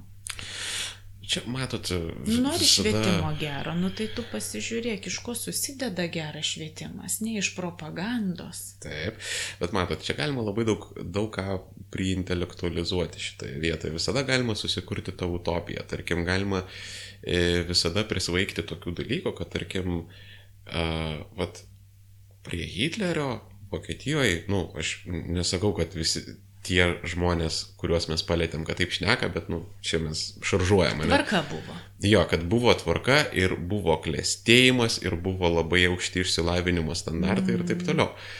Kai pasigilini, naip tolo, kad, ta prasme, net, net, net karo metu ka, ka, net karo metu prie Hitlerio, kur ten buvo atseit tvarka ir visa kita, tai uh, žydų uh, vergai atsirado gamyklose ne šiaip savo, nes darbuotojai ėjo protestuoti. Tu prasme streikavo, sakė, reikalavo didesnių algų, reikalavo mažiau valandų, uh, tada atsirado vergų darbas. Um, buvo ten tas fenomenas, e, ten vieni garsesnių vadinosi Berots Edelveiso piratai, Berots tai buvo, tai yra vaikai, kurie nenorėjo eiti į Hitler jugendą ir jie tiesiog ten išvarydavo kažkur į kalnus ir ten saukempindavo, tusuodavo ir dar ateidavo ir Hitler jugendų į galvas duodavo ten su armatūrom ir visa kita. Tai e, tas e, žmogaus polinkis romantizmui, romantizuoti ir viską gražiai nupiešti ir į tuos paprastus sprendimus, kad, vat, žodžiu, uždrauskim tos gėjus ir va, tvarkoj viskas. Bus. Nes gėjų nebuvo prie sovietų. Nu, tai Jie tik dabar nebuvo. išlindo prisimokę. Taip. Invalidų nebuvo irgi. Tai aišku. Nors uh, iš tiesų vat, su invalidais buvo tokia... Lab, ta Sovietų sąjunga buvo kraupiai segreguota, nes, va, tarkim, e, visai netoli čia buvo aklųjų namai e, Krasnuhoje, E, po to kurčiųjų buvo naujininkose vienoje vietoje, kitoje vietoje kurčinėbilių, ta prasme mm. juos va tai va į getus kiždavo. Taip, taip, taip, į getus ir, ir, ir, ir visus, kurie, kurie turėjo kokiu neįgalumo momentu į tos institucijas, kurių nieks nematė iš vis provincijoje. Taip, ir, ir po to buvo tas susisloksnevimas žmonių, ten tarkim, iš, iš buvo uh, maždaug um, toks minkštas aparteidas, kaip čia dabar dalyką tą įvardinti, vad buvo, tarkim, aukščiausiai kotiravosi e, kažkodėl pribaltai. Nu, pagal žmonių kokybę, sakysim taip. Tada ten įsėjo rusai, e, po to daugiau mažiau tą pačią poziciją užėmė ukrainiečiai, baltarusiai, tada žydai, tada kaukaziečiai ėjo, tai tais laikais e, kaukaziečiai buvo nu, sakysim, kaip po negrai, jeigu, mm. jeigu tokį nekultūrišką žodį galima pavartoti. Ir jau tada eidavo, kaip sovietmečių sakydavo, visokie čiurkos. Ten kazakai, uzbekai ir... O jau ten čiukčias, tai ir tos tolimųjų rytų tenais gentis, tai ten jau iš viso buvo, net žmonės nelaikomi. Ir tai buvo siaubingai segreguota ir jo ten invalidai E, sėdėdavo tose savo provincijose, kur nebuvo nei kelių, nei šalygatvių. Nebuvo matomi. Jo, jie tiesiog trumpai sėdėdavo ir viskas. E, ir, bet kita vertus, kita vertus, e, diskursas pasikeitė teisybės dėliai. Nes prisiminkit, kad ir ankstyvus 2000-uosius, ne? Homoseksualų klausimas. Tai kaip apie juos viešumoje išnekėdavo, tai, nu, tai juos dabar sudint ar gydyti chemiškai. Realiai apie tai diskursas buvo. Dabar jau yra perėję į tokį, nu jūs gal nesirodykit. Jūs gal turėkit savo ten tą gyvenimą, visą kitą, bet vat, jūs gal nesirodykit ir daugiau nieko neprašykit. Tai vat... Vėliavos nekelkit. Jo. Vėliavos nekelkit. Būkit tyliai. Jo. Taip, taip, ne, tai aišku, kad pasikeitė. Tai aišku, kad keičiasi, bet mesgi turim mažiausiai dvi Lietuvas. Oi, mažiausiai čia 3-4 realiai. Dvi, tai. Bet tai yra normalu, kita vertus. Tai yra normalu, tai kiturgi tas pats buvo, tik tai buvo, po, kaip sakiau, vėl su visais dalykais politiniais ir visuomenės konstravimo ir nuostatų, tai po karo pradėjo keistis. Mhm. O mes, kai sėdėjom uždaryti, tai pas mus ta kaita dabar, va, mes matom tą pereinamą į laikotarpį su didžiuliu pasipriešinimu. Tautos vardu kalba tie, kurie keistis nenori. Nors ja. nori gyventi va taip, kaip ten vakaruose. Supranta, kad ten geriau tai. vaikams, kai jie išvažiuoja mokytis ir lieka gyventi, taip? Taip. Tai, tai mes jau turim tos tokius mąstymus, matymus, emigraciją, šią prasme manau, kad vis dėlto labai gerai veikia mentalitetą. Mhm. Žmonės sugrįžta, supranta apie standartus. Be abejo, tas. Atveža tą supratimą. Nes, nu, ten jie labai elementoriškai, kaip čia galima pasakyti, jie yra uždūchinami į progresyvizmą realiai, nes ten daugumoje vakarietiškų valstybių, ypatingai arčiau sostinių, nes nu, vis tiek ten yra tas, kaip yra 3-4 Lietuvos, tai ten yra 3-4, ten nežinau, Švedijos. Nu, tai uh, arčiau sostinių, arčiau didžiųjų miestų, jeigu tu ten kažką išeitum, kad aš esu prieš gėjų santokas, tai tave pasižiūrėtų kaip po, nu, maždaug kaip Lietuvoje mes žiūrime plokščią žemininkus kažkas tokio, kad jau...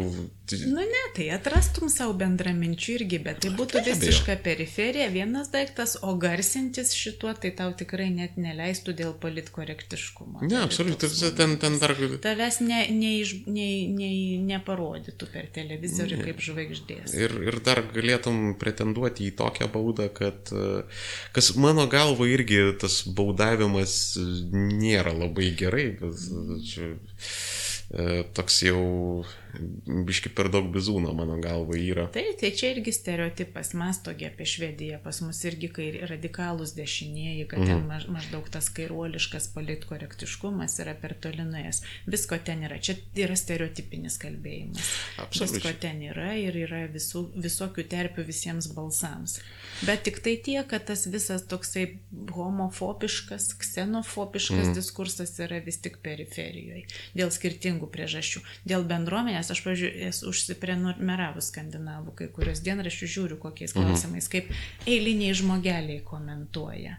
Mhm. Tai labai tolerantiški žmonės bendrai paėmus. Bendrai paėmus, aš tiesiog, kadangi... Vis linkia pateisinti, linkia suprasti. Jo.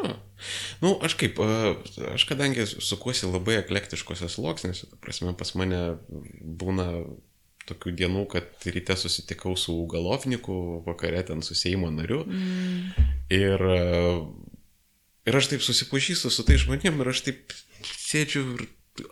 O kur tie sociopatai, kur tie visi... Mm, kur, kur visi tie homofobai, aš žinau, kad jų yra, bet vat, ta didžioji paslaptis yra, kad absoliuti dauguma žmonių yra padorus. Tikrai taip, aš irgi, kai imu interviu, kad ir kokiais klausimais vis tiek su žmogum kalbėsi, ne vien tik kas, kas tau rūpi. Ir Lietuvoje lygiai taip pat. Bet kažkaip mhm. pas mus sukrinta į tuos koment, į, į komentarus, pas mus sukrinta tokių, vat, kaip, kaip mes ką tik kalbėjom, tų tokių apleistų, kurie ja. jaučiasi labai nusivylę. Ir jų tokių gal mes labai daug turim, aš nežinau. Arba jie kitokios terpės neturi, kaip tik išsisakyti komentaruose jų išlenda, bet taip, kai va kalbėsi su žmonėm, tikrai yra. Netgi, sakysim, anglų kalbos atžvilgių, ką dabar kursto tą vis diskursą, kad mhm. tarsi tai yra priešinga. Jeigu anglų, tai nebėra lietuvių, tarsi yeah. negali būti žmonės su tarptautiniam kalbom greta. Mhm. Tai šiaip eilinių žmogelių, kai klausinėjai, visiškai normaliai supranta. Normaliai paaiškina, ką ten jie suprato, ko nesuprato, supranta, kaip jų vaikam yra, supranta, nu, tokias, sakyčiau, visai normaliai toleruoja net verslo reikalus. Nėra tokios agresyvios, agresyvios nuomonės, kaip kartais pas mus net vat, iš kalbos komisijos atrodo agresyvesnė ateina nuostata negu iš žmogelių, kurių vardu jiegi šiaip kalba. Jo, ir aš kažkaip kuo toliau, to labiau įsitikinu, kad um, pakankamai didelė problema Lietuvoje yra tas uh, patronizavimas, kad tarkim, nu, ateini, tarkim, pas tą mhm. homofobą, tu klausyk, nebūk homofobas, tu būk progresyvus už ten.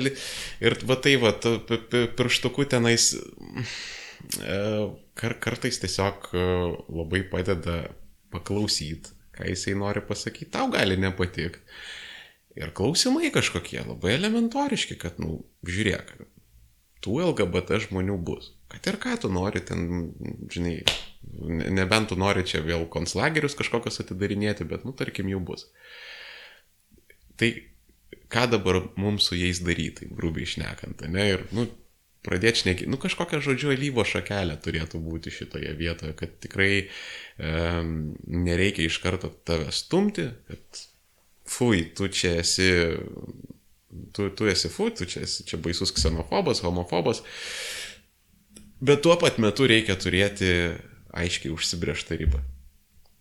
Taip, kad, iki kiek tu jam leisi, leisi pikdžodžiauti, ar ne? Jo, kad žiūrėk, va, čia jau yra not cool. Va, Čia yra raudona. Taip, taip, tai mes diskusijų kultūros labai, mes irgi negalim, mes bar, ba, baramės, taip. aš tą matau, mes baramės, mes negalim tverti tos kitos nuomonės ir, ir tai yra irgi raidos dalykas, turi ateiti. Man atrodo, su jaunimu turėtų ateiti, su tuo išsilavinusiu jaunimu turėtų ateiti. Nors čia gal nebūtinai vien išsilavinimo dalykas, bet va dar labai, kas būtų svarbu, tai švietimo kultūra mokykloje. Mhm.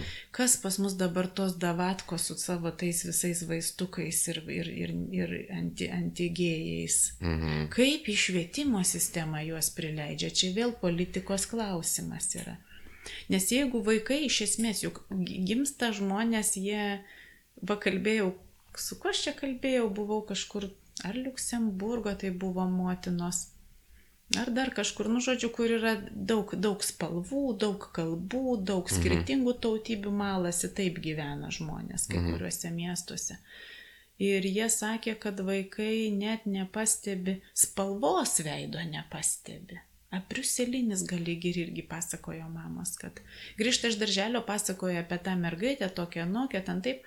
Ir paskui motina susi, susivokė, kad ten turbūt apie juodaodę mergaitę, tą juodaodę. Mes vis tiek suskirstytumėm akimirksnių. Pirma mm. būtų kategorija, ta juoda, ta balta. Taip. Nemato, nesvarbu ta prasme kalba apie kažkokius dalykus, kurie svarbu žmogui. Arba sako, ta mergaitė, jos tokios, gra, jos tokios gražios akis, jos siauresnės akis negu mano. Tai mhm. mato požymį, bet neįdeda į jį rasizmo dar, kol yra darželinukai. Paskui jau įdės visus tuos stereotipus. Aha.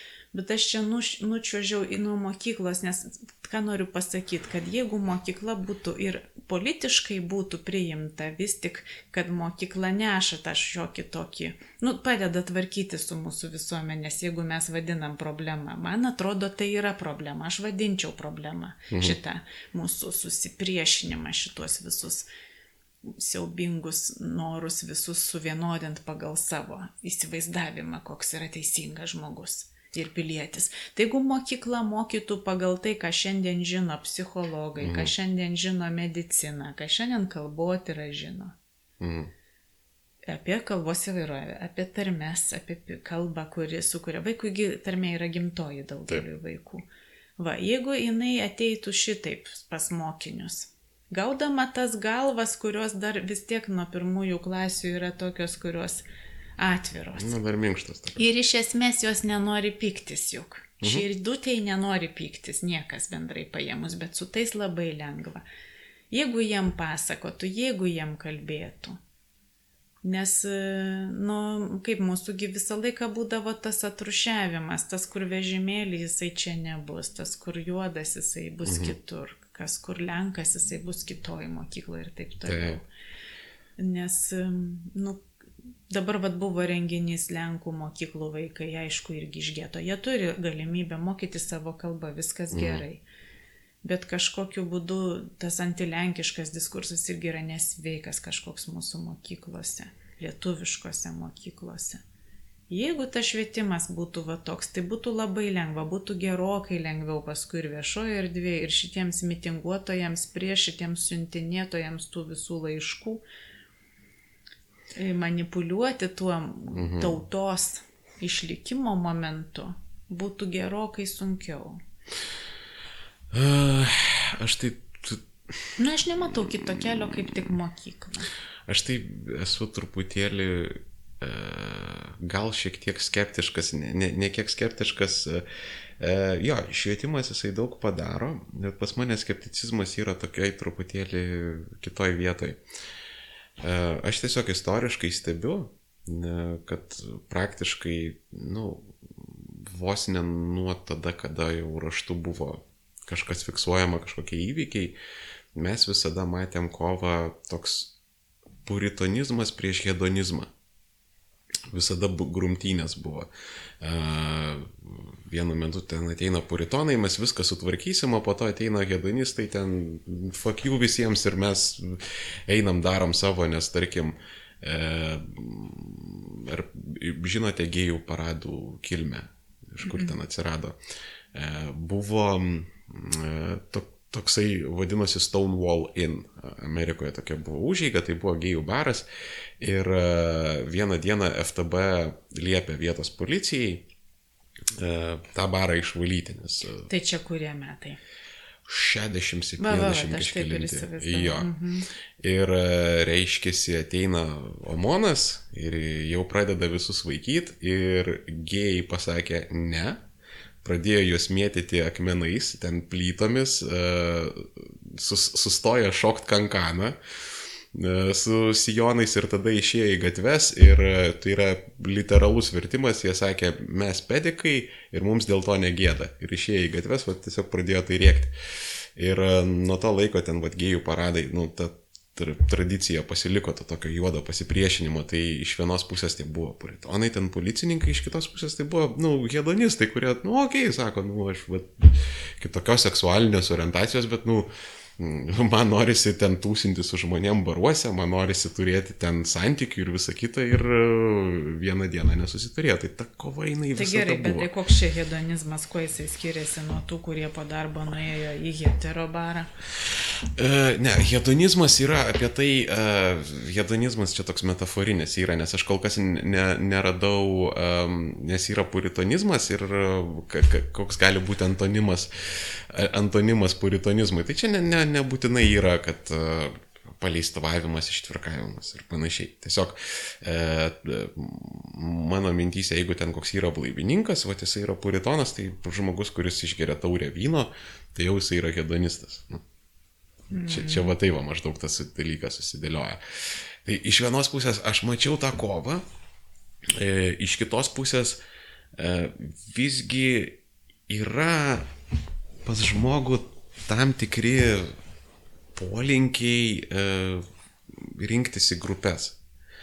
Nu, taip, taip, vis, vis tiek yra tie... Čia gamtos. Dalykas, jo. jo. Čia išlikimo galų gale. Jo, ir, ir ten atrinkinėti save panašius ir tiesiog ten labai daug antropologinių tyrimų buvo padaryta, kad labai dažnai ten, jeigu žmonės ten laisvai tūsinasi kažkokioje ten erdvėje, jie ten dažnai pagal rasę lyti kažkaip vat, susirikiuoja. Tai e, švietimas aš manau padėtų, bet e, čia su viena labai rimta sąlyga, kad tai nepereitų į fanatizmą, kad tai nebūtų... Nu, tai bet šio laikinis švietimas būtent ir yra antifanatiškas. Nu, sunku pasakyti, nes aš e, vakaruose, kur yra jau ten tikrai labai nusirovę kultūriniai marksistai, kai yra dėstytojų, kurie, tarkim, tos Ivy League universitetuose Amerikoje pasakojo dalykus, kad, tarkim, ten rasė yra socialinis konstruktas, lytis yra... So... E, jau ten fanatizmo biški kvepia. Čia, ir jokiais būdais tai nėra Bet pandemiška. Čia yra universitetas, čia yra teorinių lygmenių. Aš kalbėjau apie mokyklą pradžioje. A, bet e, o mokytojai tai už universitetų išeina tipiškai. Tai aš nesakau, kad tai yra pandemiška nu, tai, tai. ir kad tai būtinai yra pandemiška ir visuotina, kaip ten dažnai visi bando nupiešti, bet e, nu, to tokių nusirovėžliškumo žydinių yra ir kol kas e, jiems nu, niekas nesako, kad girdi. Viškit, nu, pastabdyk tos arklius ramiai. Čia, čia vėlgi ta moderacija yra toks belenkaip sudėtingas dalykas ir aš dabar, vat, jūs pasakojat e, apie vaikus, kurie, nu, ne, nemato rasės ir aš galvoju, kad aš jau matyti esu sugadintas visiškai, nes mano vaikystės laikais uh, mes eidavom, bėgdavom prie teliko negro pažiūrėti. Tiesiog, kada rodydavo juodaodį, tai ten mama kur nors greitai eikit negrą rodo per televizorių. Uh, buvo saldainiai negro bučinys. Mm. Buvo, aš viešpatė, aš vakar buvau Maksimo ir ten vaikščiojo juodaodis ir tiesiog, mm, nu, yra neįprasta pamatyti juodaodį ir taip kažkaip su žvilgsniu skanuoju ir jisai papuola ir prisiekiu. Man galvoj tiesiog, negras. Ir, ir aš, man širdelė neskauda, ten gali vaikščioti juodi, žali, raudoni, tikrai jokių problemų, visiškai neturiu su rasėmis ir absoliučiai nėra jokio rasizmo, bet vat turbūt negalėsiu nematyti spalvos. Taip, taip, tai aš ir sakau, kad ir, ir mes, aš nekalbu apie vaikus, kurie auga vieną spalviai mhm. bendruomenė, aš kalbu apie tuos, kurie auga toj bendruomenė ir kada jie renkasi draugus. Yeah. Jie nemato tos spalvos. Aišku, kad natūralu pamatyti spalvos skirtumą ir visus kitus skirtumus vaikam, bet ar juos jie sureikšmina, jie nebūtinai sureikšmins. Jie gali paklausti, o kodėl šitą spalvą, bet mhm. neturės stereotipinio įsivaizdavimo. Aha, tai čia banditas turbūt, aha, jis turbūt nemažai uždirba, ja. arba dar kokiu nors kvailų stereotipų, kad ten muzikinė klausa būtinai turi geresnį ir taip mhm. toliau. Tų kultūrinių jis dar pradžioj neturi. Nebent namuose jau nuo pat karto, bet aš abejoju su mažiukais, net ir patys ra radikaliausi tėvai. Aš. Kad, kad dėktų taip. Aš manau, kad, nu, aš kažkaip atsimenu, kad ten kiemuose Vilnius, kadangi, nu, jis toks visada buvo multikultūrinis, tai atsimenu, kad būdavo kiemuose susirinkdavo tokios klikos ten lietuvių, rusų, lenkų, bet jos tarpusavį irgi žaisdavo ir ten maišydavosi ir e, lietuviai rusiškai pramogdavo, ten rusai lietuviškai ir toks, bet per, periodiškai kažkas kildavo, kad eidavo ten vieni kitus pyzdinti dėl kažko tai. Ten, Na nu, tai už tai, kad grupė kitai skirtingas mokyklas ėjo, mokyklos pagrindų gauja yra. Mm. Savi kitur. Taip. Tas, tas irgi tam tikrą prasme veikia. Bet tai čia normalus tas, tas gauiškumas, ypač berniukams, man atrodo, arba rajonais, arba mokyklomis mm. turėti kažkokio noro įsivelti, kažkaip sukurti konfliktą ir spręsti. Man atrodo, čia yra tokia, tokia prigimtyje tam tikra. Tai be abejo, bet vat, įdomi tokia vieta yra. Ta, Prigimtyje, ja, ten pas Bahūrus yra tas e, konfliktiškumas, bet e, man tokia biškiai pašalinė idėja kilo. Tarkim, e, jeigu sakysim, nu, vietos tautinės mažumos tiesiog vestų vaikus į lietuviškas mokyklas, kurios nebūtų lietuviškos mokyklos, o būtų tiesiog nebūtų mokyklos. Getos, jo, jo, nebūtų jo. geto mokyklos. Aš irgi gal, aš manau, kad čia būtų išė, truputėlį prisidėtų prie mūsų tolerantiškumo. Bet klausimas, o tarkim, o ką daryti reikėtų su tais, kurie, vat, pavyzdžiui, nu, vat, aš esu Lenkų nacionalistas ir aš noriu, kad, tarkim, mano vaikas ten eitų į Lenkišką mokyklą ir išimtinai lenkiškai mokytųsi. Vat, klausimas, ar, ar juos palikti ramybėje? Nu, ar... Kodėl? Tai jeigu yra norinčių, jeigu yra bendruomenė, kuri nori, kas, mm. kodėl mes turim dabar jiems kažkokią malonę čia rodyti ar nerodyti? Yra mokykla. Jeigu tai yra pakankamas skaičius, jeigu tai yra, leidžia biudžetai ir galimybės, mhm. kodėl ne. Bet aš tai, man atrodo, būtų ir suinteresuoti vis tiek, jeigu suinteresuoti lietuviškai, čia vis tiek diduma visko vyksta lietuviškai mhm. Lietuvoje, galėtų duoti atskiras pamokas tiem vaikam, kad mokytųsi gimtosios kalbos. Lenkų, sakysim, kalbos kultūros, galėtų būti grupės mokinių, kad gautų lenkų, rusų pamokas, o visas kitas galėtų lietuviškai. Nežinau, kaip čia įvairių galima būtų galvoti, jeigu būtų galvojama to klausimo. Aš čia dabar bet ką mm. sakau, gal yra daug ir geresnių sprendimų, bet man atrodo, ta segregacija pas skirtingas mokyklas nieko gero neprideda. Išlieka tada tos gaujos priešiškos. Mm. Visai, visai kitaip žmonės reaguoja ar į gėjų, ar į kitą tautę, ar į kitą spalvą, kai tai yra jo draugas, kai tai yra jo klasiokas. Jau. Tada jam iš visą kiratis, tada jisai, aišku, tada būna su toks pereinamasis. Nu šitas tai geras, nes jis į paradus nevaikšto. Mhm. Bet visi likę tai vis tiek didelis blogis ir reikia gydyti. Bet Taip. jau abejonė žmogaus galvoje yra, jau yra spalvų tam galvojime. Mhm. Kad yra ir taip, ir taip.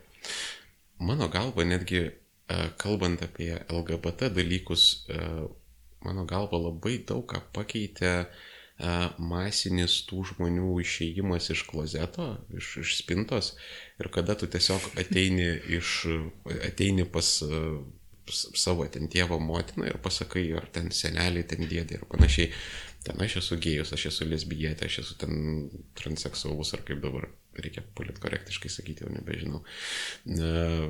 Esu toks, anoks ir kitoks. Vat, nu, ir dėl to aš nesu blogesnis žmogus. Tiesiog. Ir jo yra, kurie išsižada, yra, kurie negali šnekėtis, yra, kuriems šokas, bet didesnė dauguma, kadangi vėlgi didesnė dauguma žmonių yra padorus, jie tai priema ir mano galva, va dabar irgi yra kita problema, sakysim, kanapių kriminalizavimas. Jos yra vartojamos labai plačiai. Prasme, tai jau nebėra, kad ten kažkokie narkomanai ten uh, pučia kažkur pakampėse, tai yra verslininkai, politikai, uh, garsenybės, tai, tai jau prasisunkia į visų, visuomenės sluoksnius. Ir uh, iš vienos pusės čia galima eiti racionaliai sakyti, kad, nu, vat, tai kaip ir nėra nei smurtinis nusikaltimas, nei tu kažką nuskriaudi. Ir uh, nei tai yra pavojinga substancija pati iš savęs. Ir čia, čia žinoma, mes neskatinam narkotikų vartojimo, tai nevartokit narkotikų ir e, tik tai kokybiškus narkotikus vartokit ir e, daugiau e, tokių dalykų nedarykit. Bet anyway, e, ir, yra va ta substancija, jinai yra kriminalizuota ir galima čia racionaliai dėlioti, ten rodyti tos pavyzdžius, ten visą kitą. Bet galima elementoriškai išeiti iš to paties klozeto, nes dauguma putikų ten pasislėpia, kažką daro, tiesiog ateit pasakyti, mamai tėvai, aš kartais parūkau žolės. Tai aš esu blogesnis žmogus dėl to, nesu blogesnis žmogus dėl to. Ir tada jau toks... Taip, bet kažkaip... mes turim grįžti prie švietimo iš karto šito klausimo ir kodėl išėjo gėjai. Mhm. Todėl, kad e, pamatė, kad ne vieni pasaulyje. Jo. Pamatė istorijas, pamatė, kaip yra kitur. Ir ši čia lygiai taip pat, nes mama tėtis štai vietoj sakys, ateis su savo stereotipu, jeigu jie nebus gavę informacijos, kiek tai yra pavojinga sveikatai, apie kanapės kalbu. Mhm. Kur eina ribos tam tikros, jiems reikia informacijos, kur ta informacija pas mus. Aš dėl to ir sakau, tas švietimas turėtų eiti, jau tada jau jūs spręskite, bet jūs turit pirmiausia žinoti, o nespręsti iš savo vien tik tai įsivaizdavimų. Nu, švietimas, e, taip, jokios abejonės. Žmonės įsivaizduoja, kad vaistukais pagydomas, pagydomas seksualinės, seksualinis potraukis. Nu, orientacija. Ne, nu, kad maldom tai, yra tai, išgydoma, tai čia nu, uždokumentuotas tai, tai, faktas. Tai, tai, tai, tai būtent. Tai, čia... kur mūsų švietimas viešoje erdvėje. Čia galėtų vis tik ir žiniasklaida daugiau prisidėti, nes dabar labiau rūpi vis tiek, labiau rūpi išputinėti konfliktus negu, negu nu aišku, kad pateisybei, pateisybei su to švietimu yra problema, nes e, yra puritonizmo nemažai pačiame švietime. Ir tokia baime apie seksą kalbėti. Taip, visais atvejais. Pas mus aš, kad net jeigu rodau kokius nors ten filmukus ar dar ką nors vaikams, bučinys ekrane viešoje vietoje jau iš karto matosi, kiek yra vidinių įtampų neišlaisvintų. Jo, tai aš atsimenu, mano... Sveikų, normalių dalykų, kuriuos gali kalbėti su, nu, mokytoja negali, nu, suraskit mhm. mokytoją, kuris galės. Nu, tai jo, nu, tavo problema, jeigu tau yra gėda apie tai išnekėti, tai kažkaip, nu, mhm. nu, nes aš atsimenu, aš buvau be ne pirmoji karta, kuri gavo lytinį švietimą. Jau ties mumis prasidėjo, tai čia buvo kažkur ketvirta, penkta klasė. Ten padalino tokių brošiūrų, kažką papasakojo ir taip. O, o tai gerai, o tai, o tai kaip ten pistis reikia, maždaug, nu, va, sėdi, va, to, nes kažkokie grafikai, kažkokios tai va, ten va, va, schemos. Norėjau sakyti, kad žmonių kalba dar tą reikia padaryti. ir, ir taip, nu, aš, aš tai viską iš interneto sužinau realiai, kas, kas ten įsivyksta. Čia galėtų kalbos komisija labai prisidėti. Kuria prasme? Tas švietimas vyktų aiškia kalba. A, bet e, aš manyčiau, ten irgi turėtų būti nusėdę nemažai puritonų. Uh, ai, kalbos komisija. Ne, nu jeigu Nes... grįžtumėm prie mano tematikos. Nu, tai... Prie kalbos politikos. Tai vienas iš labai svarbių uždavinių galėtų būti E, įdėgymas suvokimo, kad kalbėti adresatui reiškia nekalbėti taip, kad jisai suprastų, pas mus nelabai moko šitos mhm. raiškos. Mm. Mūsų labai daug yra tekstų tokių, kur žmonės sunkiai supranta.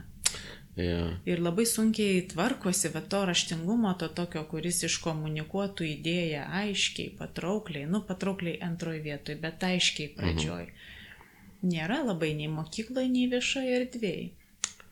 Aš bent jau e, atsimenu, kai būdavo tos literatūros pamokos ir tie visokie rašinėliai, kur, nu, principė, tu ten gaudavai tą minčių reiškimo skilsą, bent jau mano tais laikais, nes mano laikais ten nebuvo jokių kalbėjimų, jokių retorikų. Čia, čia, čia universitete, čia pamiršk, čia viduriniai mokykloje net nekvėpėjo. Tai aš net atsimenu, net ir skatino tokį saldžiai turgenievišką stilių kažkokį tokį. Va... Pseudo dvasingumą. Jo, jo, jo. Šitas yra baisu tas atgraso labai mokinius. Siaubingai ir tada ir, ir aš ilgą laiką negalėdavau rašyti, nes pas mane buvo toks vidinis disonansas iš vienos pusės, aš visai kitaip norėjau šnekėti, bet viduje programinis kodas va toks va sėdėjo. Ir jisai kaip kamštis buvo, kad ta mintis nori prasiveršti ir po to čia paradoksaliai su užkalniu pas mane persilaužimas prasidėjo, nes išėjo užkalnis, jisai tiesiog pradėjo visai kitaip rašyti, visai kitaip šnekėti ir tada, a jo, taip galima pasirodo. Legalus stilius, aš. Taip. Na jo. Ir, ir, ir visgi, visgi gaunasi. Ir... Tai mes turėtumėm ganėtinai daug individualių stilių, jeigu žmonės suprastų, kad yra kad galima kalbėti. Bet svarbiausia tas aiškumo reikalavimas. Aš vis tiek kalbu ne prie to po, po, poš, pošmenų stiliaus ir visokių į, įvairianybių, įdomių pokštų ir taip toliau, bet pirmiausia apie minties aiškumą pas mus labai mhm. sunkiai iškomunikuoja. O ką norėjo pasakyti? Pas mane yra, mano asmeninis yra labai didelis apribojimas. E, aš užaugau ant anglosaksiškos medijos. Ten, nuo, nuo vaikystės, dar e, interneto prieš aušryje ten parsisiųsdavau filmus, ten angliškus komiksus, knygas, nes, nu, tiesiog tai buvo geriausias kontentas. Mm. Pas mus ką rodė ten per televizorių, tai buvo blogai. Ir daugiau mažiau išmokau aš anglų kalbą. Ir dabar ta bėda yra, kad uh, angliškai aš galiu tą mintį išreikšti ir iškristalizuoti, o lietuviškai man pradeda strikti tam tikrose vietose. Arba man draugė pastoviai, e, kai, nes aš esu beraštis, aš valstybinio 37 turėjau lietuvių kalbos. Tai čia nieko nesako, mes matom geriausius mokymus. Ne, aš ber, be, be, beraštis siaubingas esu. Tai uh, kad, kada jinai taiso mano ten oficialisnius tekstus, tai, tai tiesiog pastoviai sako, tu čia angliškai parašai parašytų, čia angliškai parašytų. Vat. Konstrukcija angliškai. Jo. Ir ką? Nu ir nieko, bet tiesiog tas, tas yra keista, nes um, uh, yra tam tikras apribojimas ir tas apribojimas yra toksai, nu, nei aš ten gyvenau kokioje Amerikoje, nei aš ką, bet vat, Tai apribojimas kieno atžvilgiu? E, mano atžvilgiu reiškiant mintis lietuviškai. A, nu bet nežinau, man čia reikėtų pasižiūrėti konkrečiai, bet aš nematau, aš Facebook'e kartais perskaitau, man nepas, netrodo, kad tai yra neaiškiai, ne, nepaskaitoma mintis ar tekstas. Nu, ten vis tiek. Dabar irgi būna. kažkaip susikalbėjom. Kokybiški narkotikai. bet man atrodo, čia gal labiau yra susiję, kad tiesiog aš, aš trim kalbom pradėjau šnekėti iš pradžio. Tai man kalbos yra toks labai išplaukęs dalykas. Bet čia jau bus stereotipas manimas, kad trys kalbos yra jau, tada vadinasi, nei viena, nei viena gerai. Nekalba. Oi, ne, čia ne. ne, ne Priešingai, kelios kalbos žmogui duoda daugiau lankstesnį mąstymą. Čia ne tai, kad mano mintis yra apie tai, kad, nu, kaip ten sako Jack of all trades, master of none. Tai mm. labiau čia buvo apie tai, kad aš prisimenu toj vaikystėje, aš žiauriai pykdavau, kai ten, pavyzdžiui, seneliai paprašydavo kažką išversti ten iš armėnų lietuvių ir panašiai.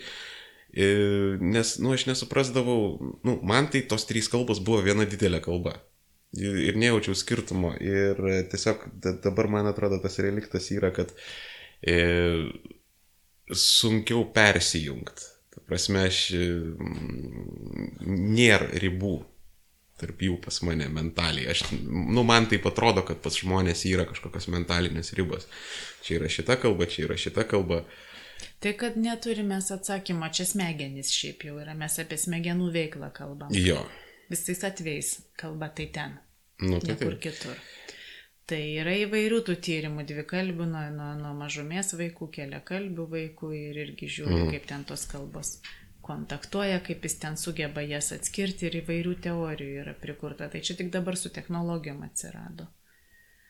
Atsirado mm. šitie tyrimai, bet gali būti, kad vaikui, gali būti, jeigu, jeigu sunku išversti, vadinasi, vaikas nesuvokia šito kalbos, šitos užduoties kalbinės. Mhm. Bet su amžiu, man atrodo, jinai turi būti, turi būti aiški. Nu, su, su amžium susitvarko tiesiog praktika, visa kita ir... Bet...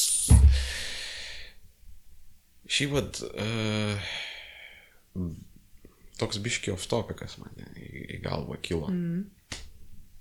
Tokio eksprompto visiškai. Um, principė, taip išeitų, kad e, Lietuva yra tokia pakankamai poliglotinė valstybė. Nes uh, rusų kalba paplitusi yra, nu, sakysim, tarp Lenkų bendruomenių, lietuvių kalba irgi ten nu, yra žinoma, daug kas jau angliškai išmokęs yra ir um, kaip nėra pas mus tokio, pavyzdžiui, uh, tarkim, išvažiuoja į Lenkiją ir nu, ten labai daug yra monoglotų. Ir jau angliškai pradeda šnekėti jau nu, toks biški aukštesnio socialinio statuso žmonės. Nėra, tarkim, anglų kalba tokia pandeminė kaip Skandinavija, kaip pavyzdys, kur ten. Taip, bet tai yra natūralu, mūsų, mums anglų kalbos vieta rusų kalba užėmė mūsų tėvams. Mhm. Jeigu tenai po antro pasaulinio karo jau tėvai važiavo į Fulbrightus, važiavo verslo reikalais į Ameriką. Taip. Labai daugi skandinavai perėmė iš, iš amerikiečių kultūros ir pop kultūros, verslo kultūros. Mhm. Tai, tai medijos buvo. Ką mes žiūrėjom rusiškai, jie žiūrėjo angliškai. Mhm. Tėvai. Ja. Tai, tai natūralu, kad ten yra vis, visoji vakarų, vakarų bendruomenėse, Šiaurės Europoje. Mhm su prancūzais truputėlį kitaip, su pietų Europą truputėlį no, kitaip. Yeah. Bet irgi todėl dėl medijų veikiausiai. Bet, bet kad bendruomenės yra daugia kalbės, tai kaip tik nėra viena kalbių. Kokią mes galim duoti valstybę, kuri būtų viena kalbė. Šiaurės Koreja. Kad... Dialektų rasim. Bet Bet e, man atrodo, kad tas irgi stereotipas, kas yra Lenkas, nuvažiuoja į Lenkiją angliškai nesusikalbi. Taigi vėl yra miestas, kaimas, yra mm. didesnė tikimybė, kad mieste susikalbėsi angliškai. Dėl darbo būdo galų gale žmonės tenai daugiau. Mhm. Galbūt ir, ir darbų, ir dar kažkam. Jaunas ar senas žmogus turbūt irgi vėl jeigu reikės angliškai, taikysi į jaunesnį žmogų, net jeigu būtum kaime nes su mokykla galbūt jau gavo, su mhm. medijom jau gavo. Čia ne taip, kad jau Lenkija versus Lietuva, aš nepasakyčiau. O ne, čia čia. Lygiai taip pat ir pas mus. Su emigracija truputėlį pasikeitė reikalai, bent jau mūsų tyrimai rodo, kai mes atliekam mažesniuose miesteliuose, klausinėjom žmonių, netikrinam, kaip jie ten moka, bet jie teigia, mokantis arba teigia mhm. nemokantis. Tai tas augimas mokėjimo anglų kalbos kyla dėl emigracijos be kita ko. Mhm. Žmonės išvažiuoja kažkiek pramoksta. Nu, bent jau mūsų tyrimai rodo, kad taip, koncentruojasi daugia kalbystė visada dideliam mieste, visur mhm. pasaulyje. Ir čia mes irgi turim ir aplink didelį miestą. Aplink Vilnių šitoj vietoje yra išimtis, nes mes turim tas mažumas Lenkų, mhm. kurios, man atrodo, labiau investuoja į, į lietuvių kalbą negu į anglų ir mes matom anglų kalbos mokėjimo, bent jau kaip jie deklaruoja smukimą aplink Vilnių. Mhm. Aplink Kauną jau kitaip, ten viskas kaip veikia kaip didmestis, kuris daro įtaką mhm. erdvėjai greta. Bet jo ir socioekonominiai dalykai, kiek žmogui reikia tos kalbos, kiek jisai mokėsi jos mokykloje ir universitete ir tai tada susiję, juk vis tiek yra žmogus išsilavinimas, aukštesnės pozicijos, darbo reikalai ir daugiau moka, čia taip, taip natūralu.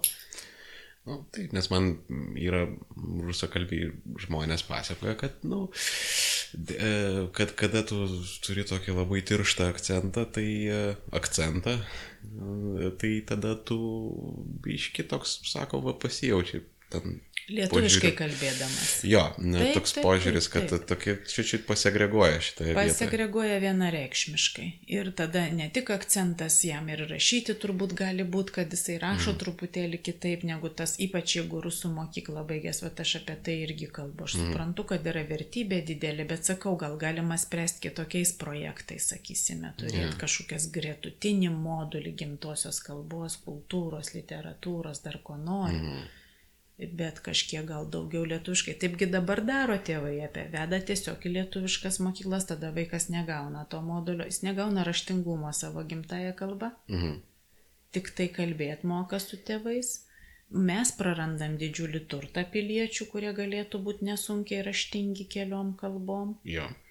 Bet kad tas akcentas prideda ir kad pas mus nuo nepriklausomybės pradžios didžiulė segregacija įvyko ir mes matom pozicijose vis tik pasiskirstimą, kas dirba taksistais, kas dirba slaugytojais, kas dirba mhm. tam tikrą mažiau apmokamą darbą. Taip. Tai, tai mm, atitinkamai ir su anglų kalba ta pati segregacija dėl to, dėl to švietimo. Bet su medijom jau, bet su medijom mūsų vaikai jau bus, man atrodo, ta karta, kuri lygiai kaip mūsų laikai su rusų, kuri neturėjo socialinės reikšmės kitokios. Visi mokėjo, mhm. nesvarbu, kokį tu darbą dirbai. Nu, čia dar ir dėl tos valstybės antvarkos, bet aš dabar matau jau, kad ateina karta, kuri, kuri vienodai mokės tą anglų. Nu, plus minus, plus minus mokės, galės komunikuoti, kur jau anglų kalba jų kartoj nebus tas skiriamasis socialinis mhm. atributas kaip mūsų, vad kad yra. Aš savo kartoje esu labiau išimtis pagal tyrimus. Pagal amžių aš esu išimtis, aš neturėčiau kalbėti angliškai. Mhm. Bet pagal išsilavinimą ir darbo pobūdį nesu išimtis. Mhm. Tai aš pakliūvu į tą kategoriją, kur vartoja ir diagramą persikloja. Jo, persikloja. Mhm. Bet šiaip manasis amžius yra va, būtent ta riba, kai ženkliai krenta mokėjimas anglų kalbos. Jeigu tu nedirbi tokio darbo kaip aš, kuriam reikia. Aišku, mes turim kalbininkų, kuriem anglų kalbos nereikia. Nu, ir grįžtam prie problemų. tai čia toks uždaras ratas prasideda, bet nu, aš, aš pats įsitikinau, kad e, ko nenaudosi, to neturėsi, nes aš kažkada mokyklai mokiausi e, vokiečių kalbos, bet dabar aš tiesiog atsimenu ta prasme, kai, kai mano žodynas yra apribotas uh, buvusios vakarų Vokietijos porno filmų juostų ten žodynų ir viskas ten jašnelė ir ten Na, taip, taip, nieko daugiau. Mokyklai, gal, man atrodo, tie mokymai, man irgi siaubingai gaila, mano vaikai vat, pradėjo mokytis prancūzų, mhm. kitų vaikai rusų pradeda, nu, ten tėvai įsivaizduoja, kad jie padės ir todėl vaikas tegul mokosi kaip antros. Mhm. Rusų kalbos nieks ten tiem vaikam nepadeda, nieko jie neišmoksta. Bet šiaip mokykloje, man atrodo, tas kalbų mokymas, aš tai labai būčiau už daugia kalbystę, nes tai didžiulis turtas. Ir smegenų mankšta be galo gera. Ir didelis turtas yra paskui žmogui pažinti tas kultūras, galėt pasilyginti ne literatūrą skaityti, per sudėtinga ta antra, trečia kalba skaityti literatūrą, bet bent jau kažkoks net minimalus instrumentas. Tai šitiek metų, kokie, nežinau, septyni metai, kiek ten juos moko toj mokykloje, nieko neišmoksta. Tai kas yra? Yra taip lengva vaiko smegenėlėms. Metodai turbūt blogi, nežinau. Nu, tai... Mes išmokom danų kalbos per metus universitete. Aišku, motivacija yra, be, bet, nu, tai. nu, vat motivacija kažkaip jiems sužadinti. Bet ta motivacija gali kilti per technologijas, per įdomius metodus, per YouTube kažkokius klausimus, kažkokias užduotis. Nu, nors pasyviai, kad suprasti išmoktų. Mhm. Suprasti laiką lengviau negu, negu, negu šnekėti. Negu šnekėti ir rašyti. Aš, pavyzdžiui, dvi kalbas, tai rusų ir anglų, tai tiesiog išmokau iš televizoriaus.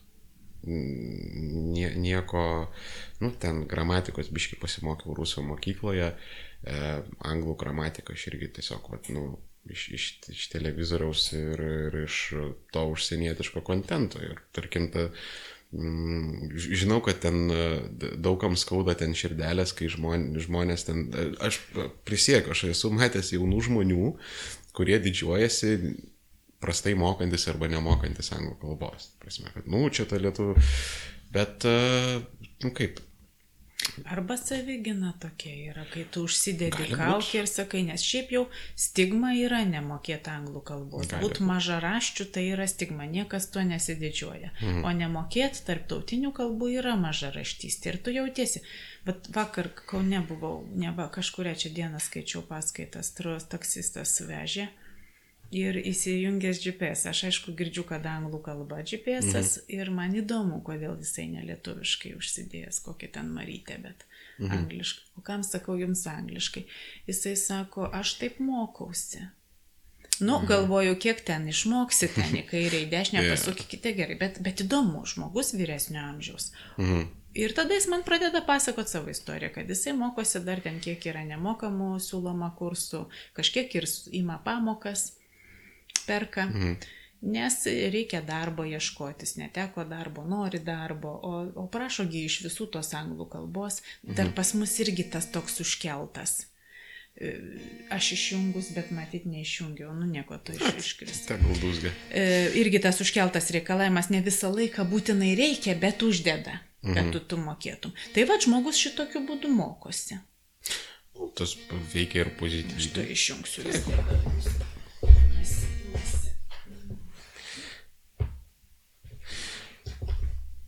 Tai, tai bet, bet nuo ko aš nusimušiau, nuo kokio kalbėjimo? Kad, ai, kad žmonės didžiuojasi. Jo, kad- Taip aš manau, kad čia gali būti ta tam tikra tokia savigina priedanga, kad dabar aš tautiškesnis. Bent jau tada aš už jūs tautiškesnis. Jo, nes, nu, čia kaip dažnai, žinot, kaip kokioje Rusijoje. Pas mus e, nėra kelių, nėra medikamentų, nėra infrastruktūros. Nu, principė nieko nėra, bet užtat mes dvasingi. Bet už tai mes dvasingi. nu, Taip. tai. Čia. Tai e, jo, gali būti ir šitos trendas, čia nebūtinai, kad kažkaip visi pradeda, o dabar nesimokykim tos anglų kalbos, nes, na, nu, iš esmės čia net nėra kalba apie tos tautinius dalykus, tu moki, nemoki tą užsienio kalbą, čia tiesiog yra, kada tu moki vieną ar daugiau iš tų didžiųjų užsienio kalbų, tai yra anglų, prancūzų, ispanų, maybe vokiečių. Um, Galim kinų jau pradėti. Pridėdinį. nu, galima kinų pritidinėti irgi. Tik tai, čia tokia utopija. Jo, ir utopija, ir tiesiog t- aš, aš link to vedžiau, kad kada mokytas didžiasis, tarkim, tas europietiškas kalbas, e, tau atsidaro visai kitokie vandenis kontento. Ne, ne, ne tik ten filmai, muzika ar kažkas, bet tai ir tekstai, ir e, audio, kas, kas tik Tikrai nori. Tikrai taip. O ypač dabar, kai mes dalinamės tekstais internete. Taip. Mm, il- Ilgesniais, trumpesniais, ką nors, kas nors ką nors gerą suradęs. Taigi mūsų tie žmo- žmogeliai, kurie rusų te turi, jie yra priboti šito turinio. Yra. Ir dar gas yra, man, man labai gaila, kad mes neduodam, bet būtent per medijas tikrai labai nesudėtinga, bent supratimo momentą, jeigu būtų subtitruojama žmonių, ausis priprastų, kažkiek jo. išmoktų. Galų galia tie, kurie turi menkus pagrindus, jie pagerintų. Taip. Tai, bet, bet koks argumentas, kad žmonės protestuoja, žmonės nespėja perskaityti mhm. subtitrų, tvarkykit subtitrus. Darykite trumpesnius, jeigu jie nespėja perskaityti. O kas yra nespėja? Yra įgūdžio dalykas. Mhm. Pabūtų, pabūtų, pabūtų, žiūrėk jau ir spėja.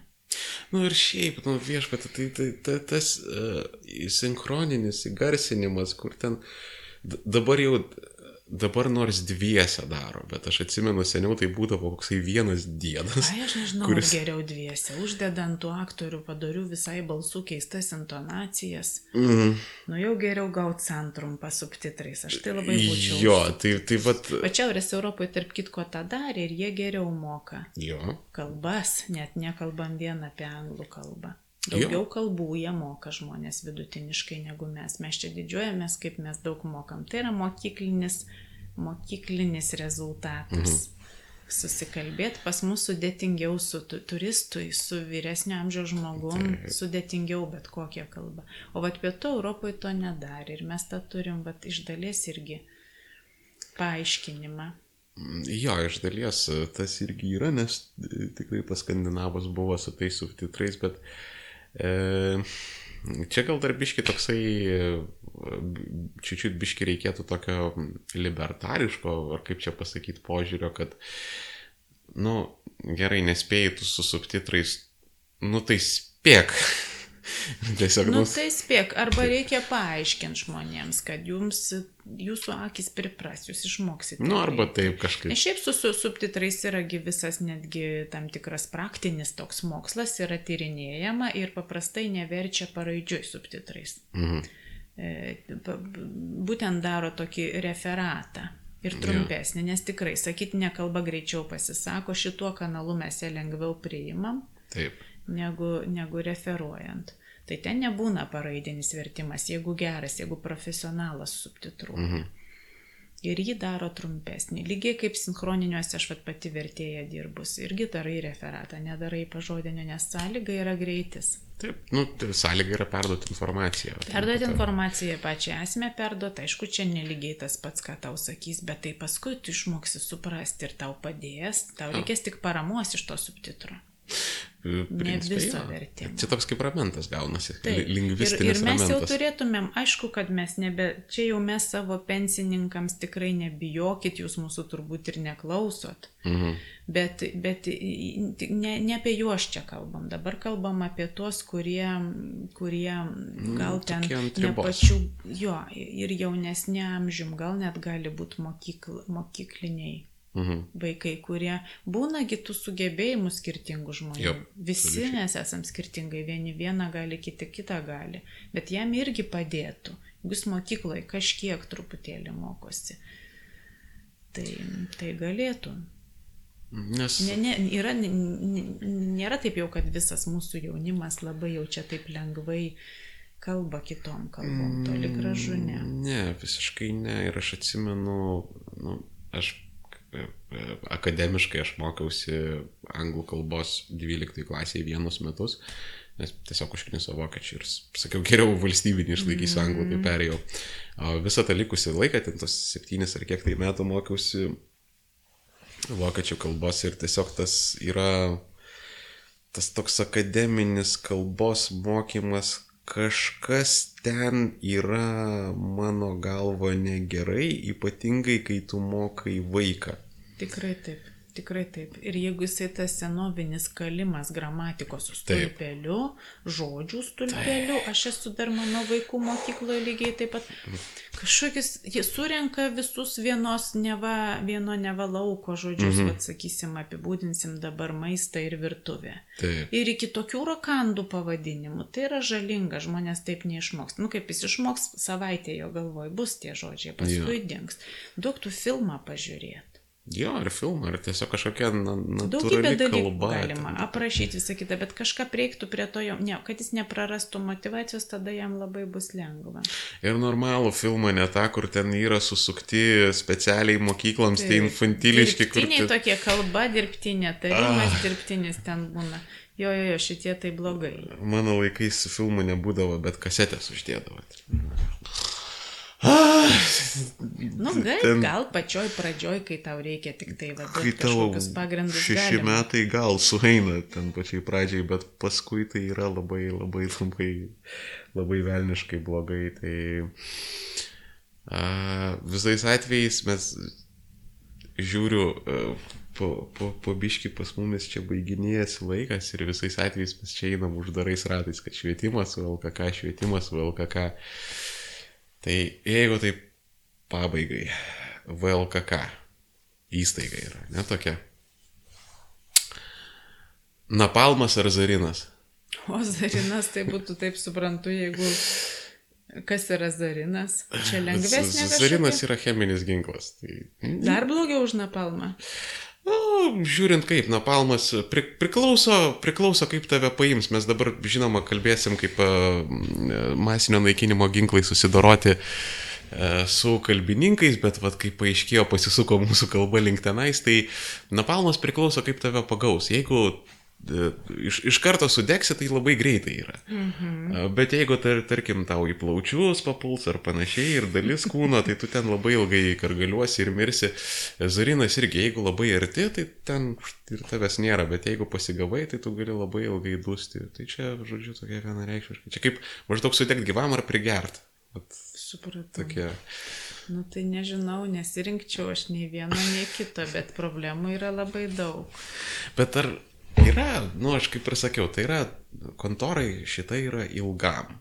Panašu į tai. Jis įsitvirtins smarkiai labai, kaip kai, kai katiną reikia atplėšti nuo, nuo užuolaidų, tai panašiai būna. Ir, nu, jūs, jūsų kolegos bandot kažką daryti, kaž, kažkaip tai keisti žmonių sąmonę. Taip. Mūsų kalbėjimas yra tas, tas būdas. Ne napalmai, mūsų kalbėjimas. Nu, jūs kaip gaisrinė signalizacija. Kritiškas diskursas apie tai, kas, kur mes turim problemų su kalbų, kalbiniu švietimu. Jo, ir, bet, o tarkim, o jūs ar turėjot kažkokį mintysę strateginį planą, ten lingvistai visi susirinkę ten savo lingvistų masonų ložėje, prirūkytam bunkeryje, mm. ten kokį nors, kad, uh, nu, va, step vienas pavok triusikus, ten step du, ten, žiūrėjau. Neturėjom, nes taip tik atrodo, taigi mes savo darbus dirbam, kurie visai su ta komisija nesusiję. Mhm. Apie kalbą mes tyrinėjom kalbą. Tai, tai, tai ten tos komisijos nėra, bet visą laiką į, iš, į viešumą išeina, nes žurnalistams įdomu, viešai mhm. erdvė įdomu, būtent mūsų manimas apie komisiją. Tai su Gedrium Subačiu mes esam publikavę irgi pagalvom, gal reikia pasakyti bent jau, ką galėtų daryti, ko nereikėtų, ką darytų. Mhm. Tai yra tas išpublikuota, tik tai nelabai kreipia dėmesio. Mhm. Tai kokie tie žingsniai? Tai pirmas žingsnis vis tik mažint galės. Mhm. Gali likti, gali likti rekomendacijos, neprivalomi dalykai, nes yra daug žmonių, kurie tiki tą idėją, kad konstruojama ta tikrai mhm. geroji, ta vienintelė norma, taisyklinga netiki bendruomeninė, bendruomenės galiomis pasikoreguoti kultūrinės normas ir taip mhm. toliau. Mhm. Tai šitiem žmonėm tos paslaugos reikia, aš kažkada net kraštutiniškai sakiau, galėtų būti skaičiuojama kaip mokestis, jeigu jums reikia, jūs susimokat mokestį, nes tai yra biudžetinė institucija. Taip. Ir naudokit tas paslaugas. Gali būti. Bet ai, čia, čia aišku juokais, nes taip nebus. Bet gali reikėtų mažinti. Racijos yra. Ir tada kažkaip ten, nežinau, bet matot, kaipgi mažinsi galę, kas mažins tą galę. Pati institucija nemažins ne. galios. Pati institucija į save neįlies to tokio šviečiamojo momento ir mokslinio suvokimo apie tai, kas norma yra, kas taisyklingumas, kas kalba mhm. kūrė. Nepasakys tą demagogišką diskursą, kalba, te, kalba kūrė kalbėtojai. Taip. O paskui pasakys, kad kalbėtojai visi mažaraščiai, nes jie nemoka taisyklingumo. Taip. Ir tą taisyklingumą sutapatint su savo sukurtom, sukonstruotom normom, kur mūsų pačios kalbos normalūs dalykai pavadinami klaida. Ir mhm. tada mes visi tampam mažaraščiais. Pati institucija to nedarys. Nu, nekirs savo šakos. Galios savo nemažins. Okay. Čia turi būti politinis sprendimas. Politinis sprendimas, kol žmonės mano, mhm. kad čia susiję su tautos saugojimu. Mhm. Ne tik su kalbos. Niekas savo reitingų irgi nekils. Tai mes baigiam šitą klausimą. Aš, man tokia idėja kilo, čia galima būtų, nes institucija galėtų papjauti tą šaką su sąlyga. Jeigu kokia nors Vaicekauskai nesugalvotų per sekančius pirmininko rinkimus tenais įsitrinti, Čia ir tiesiog tą reikalą detonuoti. Pirmiausia, pirmiausia nesugalvotų, dievę, bet, bet tai yra politinis sprendimas. Juk matot, kad skiria mhm. Seimas, niekur nėra tų kalbos institucijų Aišku. prie Seimo tiesiogiai, kad jų kiekvienas žodis. Šiaip tai iš tikrųjų ne, institucija yra susikūrusi savo kalbos įstatymą, kuriame pasakyta. Mhm kad jinai sprendžia, kas yra taisyklinga kalba ir kas turi kokią kalbą kalbėti. Mhm. Tai va kalbos įstatymą pakoregavus. Mhm. Ir dabar sako, kad čia mes nieko negalim padaryti, yra įstatymas visuomenė mus įpareigojo, tauta to norėjo. Iš tikrųjų, kai pasižiūri jis istoriškai, kaip buvo, tai pasirašė savo tą įstatymą. Tai va, tai Netgi per tą įstatymą skirsti, bet vėl čia per įstatymą gal žmonėms mažiau skaudėtų, jie Mhm. nesuprastų kas ir tada galių pamažėtų toje institucijoje. Bet, bet čia tokie nerealūs dalykai. Kas yra realūs dalykai, tai kritiškumo būdinimas tarp pačių žmonių, tarp tėvų, Mhm. kurie turi teisę, kad jų vaikas būtų auginamas mokykloje su tom žiniom apie kalbą, kokiom auga jų migrantų brolio sesers vaikai kažkur išvažiavę Mhm. mokykloje. Tai yra, jis, mūsų vaikai turi teisę į kalbinį švietimą. Aš jau čia nebelysiu į lytinius ir kitus dalykus. Bet į kalbinį švietimą turi teisę. Taip, tai Mhm. vad tėvai šitoj vietoj gali turėti žodį, vis tik pradėti. Taip. Nors kol yra švietimo ministerijoje tie visi egzaminai, kurių pagrin- pagrindą sudaro tas kalbos komisijos įsivaizdavimas, tai vėl tėvai sakys, nu tai ką mano vaikas tada gaus mažesnį balą. Bet, bet, bet vis tiek tai yra bendruomenės problema. Tai yra mokytojų, kurios man dažnai sako, padėkit, mes viską suprantam, nu tai o ką daryti? Mhm. Ir mokytojos gali gar, garsiau pradėti kalbėti apie tas problemas ir egzaminas. Tai vad tėvai mokytojos gali būti tie žmonės. Žurnalistai. Jie šiandien kviečiasi, klausinėja ir labai mm. tikrai daug žurnalistų supranta. Nes man atrodo, jos labiausiai ir užknisusi yra VLKK, turbūt. Gali būti, bet jie jau pereina visą mokyklą, kol mokosi, jeigu profesionalų žurnalistai, nes ten irgi yra bastionas, yra tam tikri suinteresuoti žmonės juos apmokyti. Mhm. Laipsnius gauna už tą mokymą kirčiavimą, tai kai kurie žur- žurnalistai tą doktriną gauna. Mhm. Tai ir kažkodėl daug iš jų yra supratę, kas čia per reikalas. Bet tai irgi jų reikia susitelkimo tam tikro ir kalbėjimo apie tai, darimo, kaitos. Tai Iš čia galėtų ir politiškai tada jau gimti kažkoks suvokimas. Bet čia sakau, čia ne tai, kad kažkoks kraujo kerštas, bet čia tiesiog e, kalbėjimas apie tai, kad kas, kas mūsų visuomenėje yra, juk kalba nėra nusikaltimas. Kalba mums konstitucija garantuoja, teisė į gimtają kalbą. Ir suvokti, kad mes tą gimtają kalbą turim, kūrėm, turim paskatas kalbėti kultūringai, kai reikia kultūringai, Taip. kitaip, kai reikia ki- su draugais, žaismingai ir taip toliau, įvairiom kalbom. Šitą mes turim teisę, jeigu vis dar liekam demokratiniai valstybei. Mhm. Tai, tai jeigu tom teisėm žmonės pradėtų galvoti apie teisės, kalbėti daugiau apie teisės, tada keistusi ir politinis mąstymas, ir institucija kitą kryptį įgautų. Gal tikrai vakarietiškos institucijos galėtų įgauti kryptį. Tai iš esmės gaunasi tik tai, kad tiesiog tą varlę lietai reikia virti ir viskas. Varlė lietai. Truputėlį paskrudinant padus po truputį, bet tą turi daryti, tą turim visi daryti. Jeigu jūs klausykit, aišku, ne visiems žmonėms primtina, ką aš kalbu ir netaip lengvai išaiškinti. Mhm. Bet jeigu kur nors kyla abejonė, pasidomėkit, paskaitykit, yragi dabar tiek daug literatūros ir tiek daug visko įvairiom kalbom apie kalbą. Pažiūrėkit, kaip kitose valstybėse, ne? Neapsigaukit, kai jums sako, kad čia mes vienodi kaip kitur. Tikrai Mhm. ne vienodi. Vat pasidomėkit, jeigu ne, ne, netikit. Ir apskritai, nu, čia neturi būti viskas juoda balta, nes e, jeigu jums patinka ta, e, pavadinkim, nauja Ta kalba. norma ir ta nauja kalbė, tai žinoma. Jūs tai ją galite šnekėti, net jeigu, tarkim, neli- nelieka VLKK, nelieka to viso norminimo, Lieka tekstai, kuriuose parašyta, kad šitas variantas yra geresnis, Taip. taisyklingesnis, paprastai tai yra skonio reikalas, bet vis tiek. Ir šiaip, man atrodo, visai nebloga paslauga, nes mums tų kalbos variantų įvairiai raiškai reikia daug. Tai Mhm. vienas bus va tas formalusis, aš šituo lygmeniu vertinu labiau, nes Mhm. taisyklingi tai jie visi. Vienas toks labai formalus, Taip. toksai sausas. Kitas labai neformalus, draugiškas mhm. ir, ir, ir, ir jų mums visų prireikia.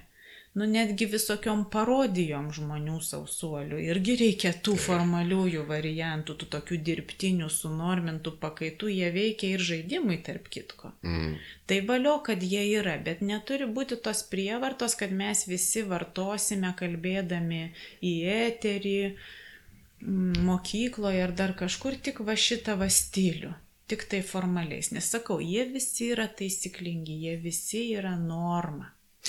Taip, jo, ir aš net abejočiau, kad tas uh, stereotipinis plasmasinis diktorius su ta savo nauja kalbė, ar jisai taip šneka realiam gyvenime, ar jisai ten... Gal visokių yra, tai čia jau jo reikalas. Aš jau manyčiau, čia būtų apie tam tikrą patologiją, nes kalba, nes jeigu jisai taip tiesiog tol, taip ir toliau šnekėtų, nekeisdamas savo intonacijos ir tono. Ir, tai... Ne patologija, mes mokslę tai vadinam komunikacijos kompe, kom, komunikacinės kompetencijos trūkumu, nes žmo, į kompetenciją įeina strategiškumas, kokią mhm. formą man pasirinkti kokiam adresatui. Mhm. Tai labai tos... politkorektiškai pavadinant. Taip, tai, tai mes, kuo daugiau mes turim registrų, stilių, tos įvairovės, tuo mm. daugiau mes, tuo mes lankstesni esam kalbėtojai. Taip. Šiaip mes esam visi lankstus, bet jeigu mes galim, sakysim, ir tą labai labai formalų stilių, tai mes tada tikrai toli galim nuvažiuoti su tuo formaliu stiliumi, nes jisai asocijuojasi su išsilavinimu, su protu, su dar kažkuo galim savo tų taškų gauti. Nu, tas yra tas dalykas, bet čia žiūrint e, jauno klausytojo, nes jeigu e, tai bus paprastas žmogus mm. su didžiaja O nuo žagrės, tai iš karto jis į tave pas, pasižiūrės kaip į snobą ir ten... Jeigu su juo dviese, bet jeigu kalbasi, kalbasi kažkas eteryje taip. Mhm.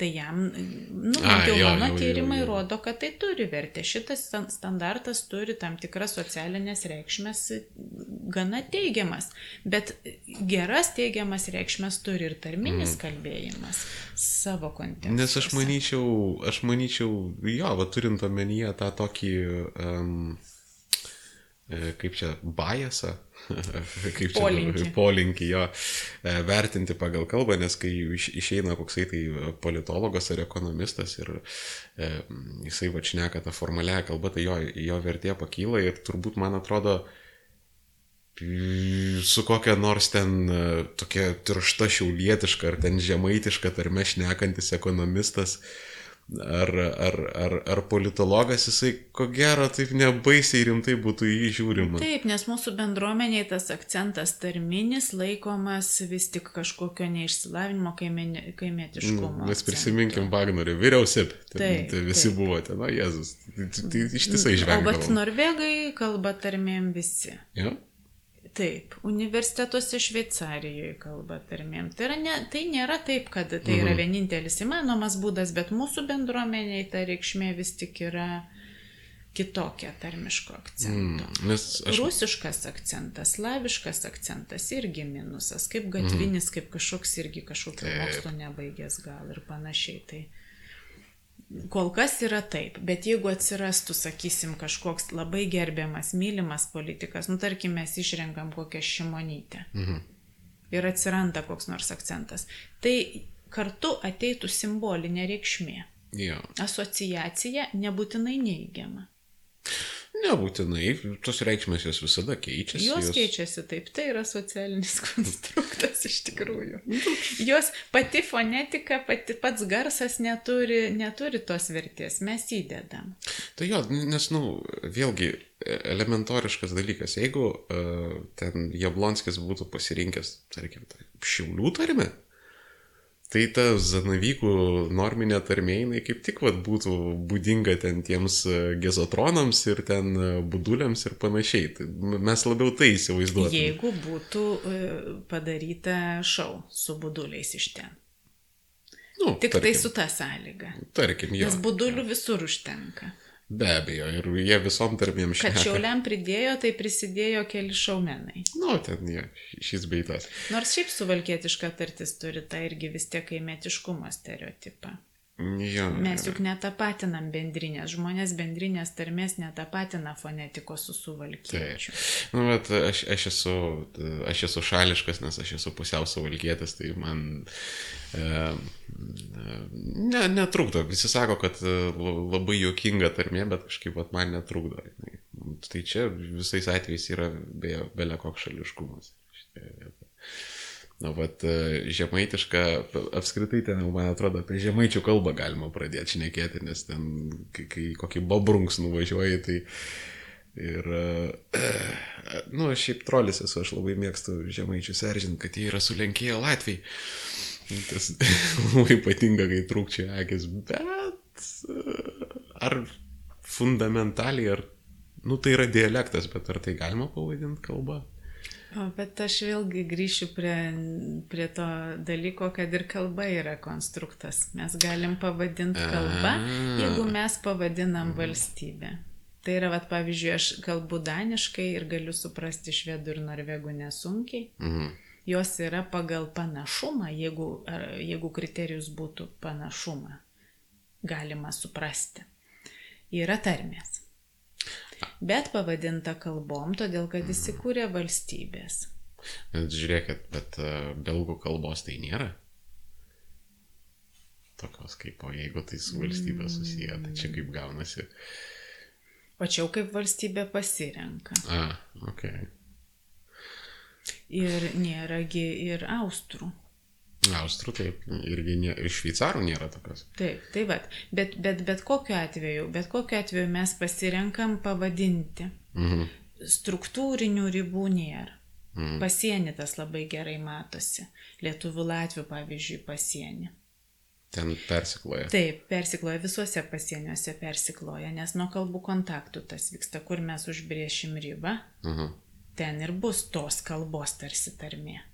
Ja, nes aš dabar vat atgaminu, es- es- e- esu tūsinėsis ten, e, kur tas yra apendiksas, tas Lietuvos, e, ten e, tas Lenkų kraštas mm. ir ten jau jie net nebe lenkiškai išneko, ten jau kažkokia tuteišų yra kalba tokia, nei tai rusų, nei baltarusių, nei lenkų, nei lietuvių toks, vat, Taip, nes nuo kalbų kontaktų keičiasi, keičiasi daug dalykų. Mm. Ir kas ten įdomu, ten dominuojanti kažkodėl gaunasi rusų kalba, nors jie etniškai save laiko dažniausiai lenkais, bet jie net ir tarpusavyje pakankamai dažnai rusiškai šneka, ten rusų kalba dominuoja, bet vat, yra su tais ataskoniais, o po to, jeigu kažkur labai giliai nuvažiuoji, tai ten jau tokia prasideda kur kas šeštą žodį galbūt supranti, mm. net ir mokėdamas visas tas kalbas. Taip, taip, bet ir, ir čia irgi toks momentas, kaip žmonės kalba, jų vis, vis, vis, visi registrai įvairuos. Mm. Pas, pasakymas, jie kalba rusiškai, bus tikrai ten įvairių variantų į, įterpiama. Na, absoliučiai. Tai va, tai grįžtant prie žemaičių, jeigu jį tu gali pavadinti kaip nori. Mm. Tai žodžiu, Tu sukurk Latvių, Liet- Latvijos Lietuvos valstybę, pavadins, nu kaip su Balkanais buvo, pavyzdžiui. Nu ir tada pasivadina kalba, nes turi vadintis kalba, kai yra valstybė. nu, tai taip, tai, tai natūraliai. Arba jeigu tiesiog priklauso kažkokiai... pasivadina skirtingom dviem kalbom, su skirtingais pavadinimais serbo, serbo kruatų, pavyzdžiui. Arba ten jeigu kažkokios e- etninės grupės yra labai ryškios, tai tenais irgi gali turėti. Tai, karočią, vis dėlto viskas yra socialinis konstruktas, kai Nu, paaiškėjo. dėl daugelio dalykų mes patys sprendžiam, tai yra mūsų vaizdiniai. Mhm. Tai negi norit pasakyti, kad uh, palikit kalbą ramybėje ir Norėčiau, nekiškit nagų. norėčiau pasakyti. Bet jūs greunat valstybę. Nu taip išeina. Taip išeina. Aišku, kam dirbu. Tai iš, iš karto čia, čia kalbos nėra. Čia dar man neprasižiojus buvo. O aišku, Jėzus truputį. iš, iš akių, tai Putinas tiesiog iš akių, vat, Putino akis, vat, matosi. Viskas ten. Viską mes žinom, viskas yra įrašyta dabar į internetą ir žinos visa Lietuva apie tai, kad kam, kam dirba Vaicekauskinė. Tai ką, tai, tai turbūt šitą mizantropišką progą, kad mes nieko nepataisysim, nieko nepakeisim. Antanaičio greitų metų zarinų niekas nenunuodis. Nereikia, nereikia nuodyti. Mesgi kalbėjom, kad mes Biški, truputį bet tai eikime į kalbėjimosi kultūrą, eikime į mąstymo kultūrą, kritiškumo kultūrą, skaitykim, jeigu netingim. Nu, bet, nu, aš vis tiek, kadangi esu kieme augęs, teisingai kiemė užaugintas, tai nu, nors lituoklių pabaksnuoti ant vos vos. Tai... Nu tai čia yra lituoklis, vad pakalbėjimas šitokiomis temomis. Žinokit, yra skirtumas tarp lituoklio ir kalbėjimo Taip. temomis, aš iš patirties žinau, kad kartais, kartais gali būti nu, žodžiu, aš žinau, ką aš pasirinkčiau. Ar, Taip, bet vis tiek mes kalbam apie intelektinius dalykus, mes kalbam apie politikos idėjas. Tai šitas idėjas vis tiek keis, dažnai keis žmonės kalbėdami. Tai be abejo ir tas uh, iš vienos pusės čia baigiam su tokiu fatalizmu, kad, nu, jeigu tu nori kažką pakeisti, tai tik tai taip, virūti. Taip nieko daugiau. Taip jo. ir daryk. Taip, pradėk nuo savęs. Jo, ir nieko geresnio už tokį stebą, steplėtą, konkretų tokį gal šiek tiek įžūlų, gal šiek tiek įkyrų, bet tokį nuolatinį e, taip, mušimą. Taip, ir, ir šiaip mes gal ko nepasakėm, kad permaina vyksta. Jo. Kai mes kalbam nuo to paskutinio karto, nuo, nuo tada, kai mes pradėjom kalbėtis šitais skaudžiais klausimais, permaina vyksta. Man atrodo per lietai, bet jinai vis tiek jau yra. Svarbu, kad yra. Taip. Tiesiog. Ir aš, aš kitaip nelabai įsivaizduoju, nes dažniausiai, na, nu, okei, okay, galima būtų ten nupirkti to napalmo ir ten išsiaiškinti, bet nemanau, kad tai išspręstų ir manau, kad e, dalį visuomenės labai smarkiai užangažuotų ir tada atsirastų dar baisesnė ir ten siaubingesnė įstaiga, nes e, čia kaip po prancūzų revoliucijos e, padarė revoliuciją, tada nukirstino revoliucionierius, tada išsirinko karalių iš naujo. Tai nu, čia yra taip, taip. tam tikri ciklai. Tai jau geriau slow and steady, kaip anglosaksai sako, sulauksim galbūt kada nors tų trijų anglosaksiškų purvinų nešvarių Lietuvos valstybingumą greunančių raidžių kaip nors. Ir tai tuom ir turbūt reikės baigti, kad nieko mes neišsprendėm, sorry. o jūs jau galvokit žmonės, ką dabar, kaip jums dabar galvosis. Jo, ir jeigu norisi, tai visada galite atplėšti savo pakuotą užpakalį ir kažką ten padaryti. Kad ir, jeigu nesinori, galite net plėšti. Net jeigu už, jūsų užpakalis nėra pakuotas. Tai šiandieną dėkui gerbiamai Loretai Vaisiakauskinį, kad ir pakvietėte į namus, pavaišinot kavą. Ir e, gavom pasikalbėti apie kalbą lingvistiką ir kitokius įdomius dalykus. Ir um, Jau mus vis tiek išjungia, man atrodo. Oi, ne, žinokit, normaliai klauso. klauso jo, jo, aš, aš net pats stebiuosi. E, mano visi intervai 2-2,5 valandos žiūrimiausi. Bet es šituo atsisveikinimo žodžiu, man atrodo, jau išjungė. Jo, nes tada aš... Pasakyti tikrai labai ačiū Jums uždėmesį, Jūs Taip. paskutinis klausytojau. Taip, jau, nes jie jau žino, kad aš klenčiančiu pinigų, kad jau tai, įmeskite Patreoną, tai jau tad sąžinė užgraužė. Reikės kokius nors įsteregus pradėti galą dėlioti, kad jie, kad jie grįžtų. Bet dabar mes realiai galim labai antivalstybinius dalykus šnekėti nes niekas neklauso ir viskas eterija. Čia kaip toks tam tikras nematomas. Gal sakau, koks frikas dar vienas ir klauso. Jo. Antanaitis turbūt klauso, turiu iki paskutinio atsisėdęs. ir protokoluoja ten Vaicekauskinė ar vienas. Ten. Tai jo ir čia, nu ką, pa, pašnekėjom, pažvengėm be Napalmo, be Zarino ir nepamirštam Patreoną, nepamirštam subscribinti. Mm, jeigu norit kažką palaginti, pareklamuoti, irgi visada prašom. E, Vaicekauskinės Facebookas labai yra įdomus ir naudingas. Galima jį naudoti ir vartoti šitais klausimais ir, nu, jo. Į... Ai, mes ant kalėdų išeinam. Man atrodo, mes ant nu, kalėdų tai išeinam. Gražių švenčių, žiūrėkit, jo. saugokit save. Nu, taip, jo, gražių švenčių su kalėdais. Kokią čia muziką reikės uždėti, neautorinė. Ne Aš vieną gavau laišką, va šito galim baigti vieną kartą nuo radio klausytojo. Ir atėjo prieš pat kalėdas. Jis buvo sukonspektavęs mano kirčiavimą, tarimą, viską. Ir pabaigoje palinkėjo man laimės, meilės ir svarbiausia taisyklingos kalbos. Jo, žinokit, vat, svarbiausia gyvenime yra taisyklinga kalba. Taip, ir dar pridėsiu, kad mes visi ją turim tą taisyklingą, tai jūs labai nesijaudinkite. Taip, ir ne, ne, nepamirštam, bet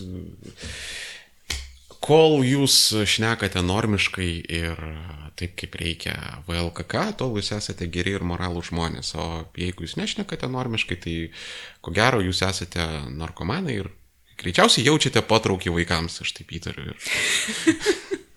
Man atrodo, taip yra. Tai va, turėkit šito omenyje ir turbūt šituom ir pabaigsim. Va, šitą gerą pozityvę mintim. Puikiai, ačiū sudėjau.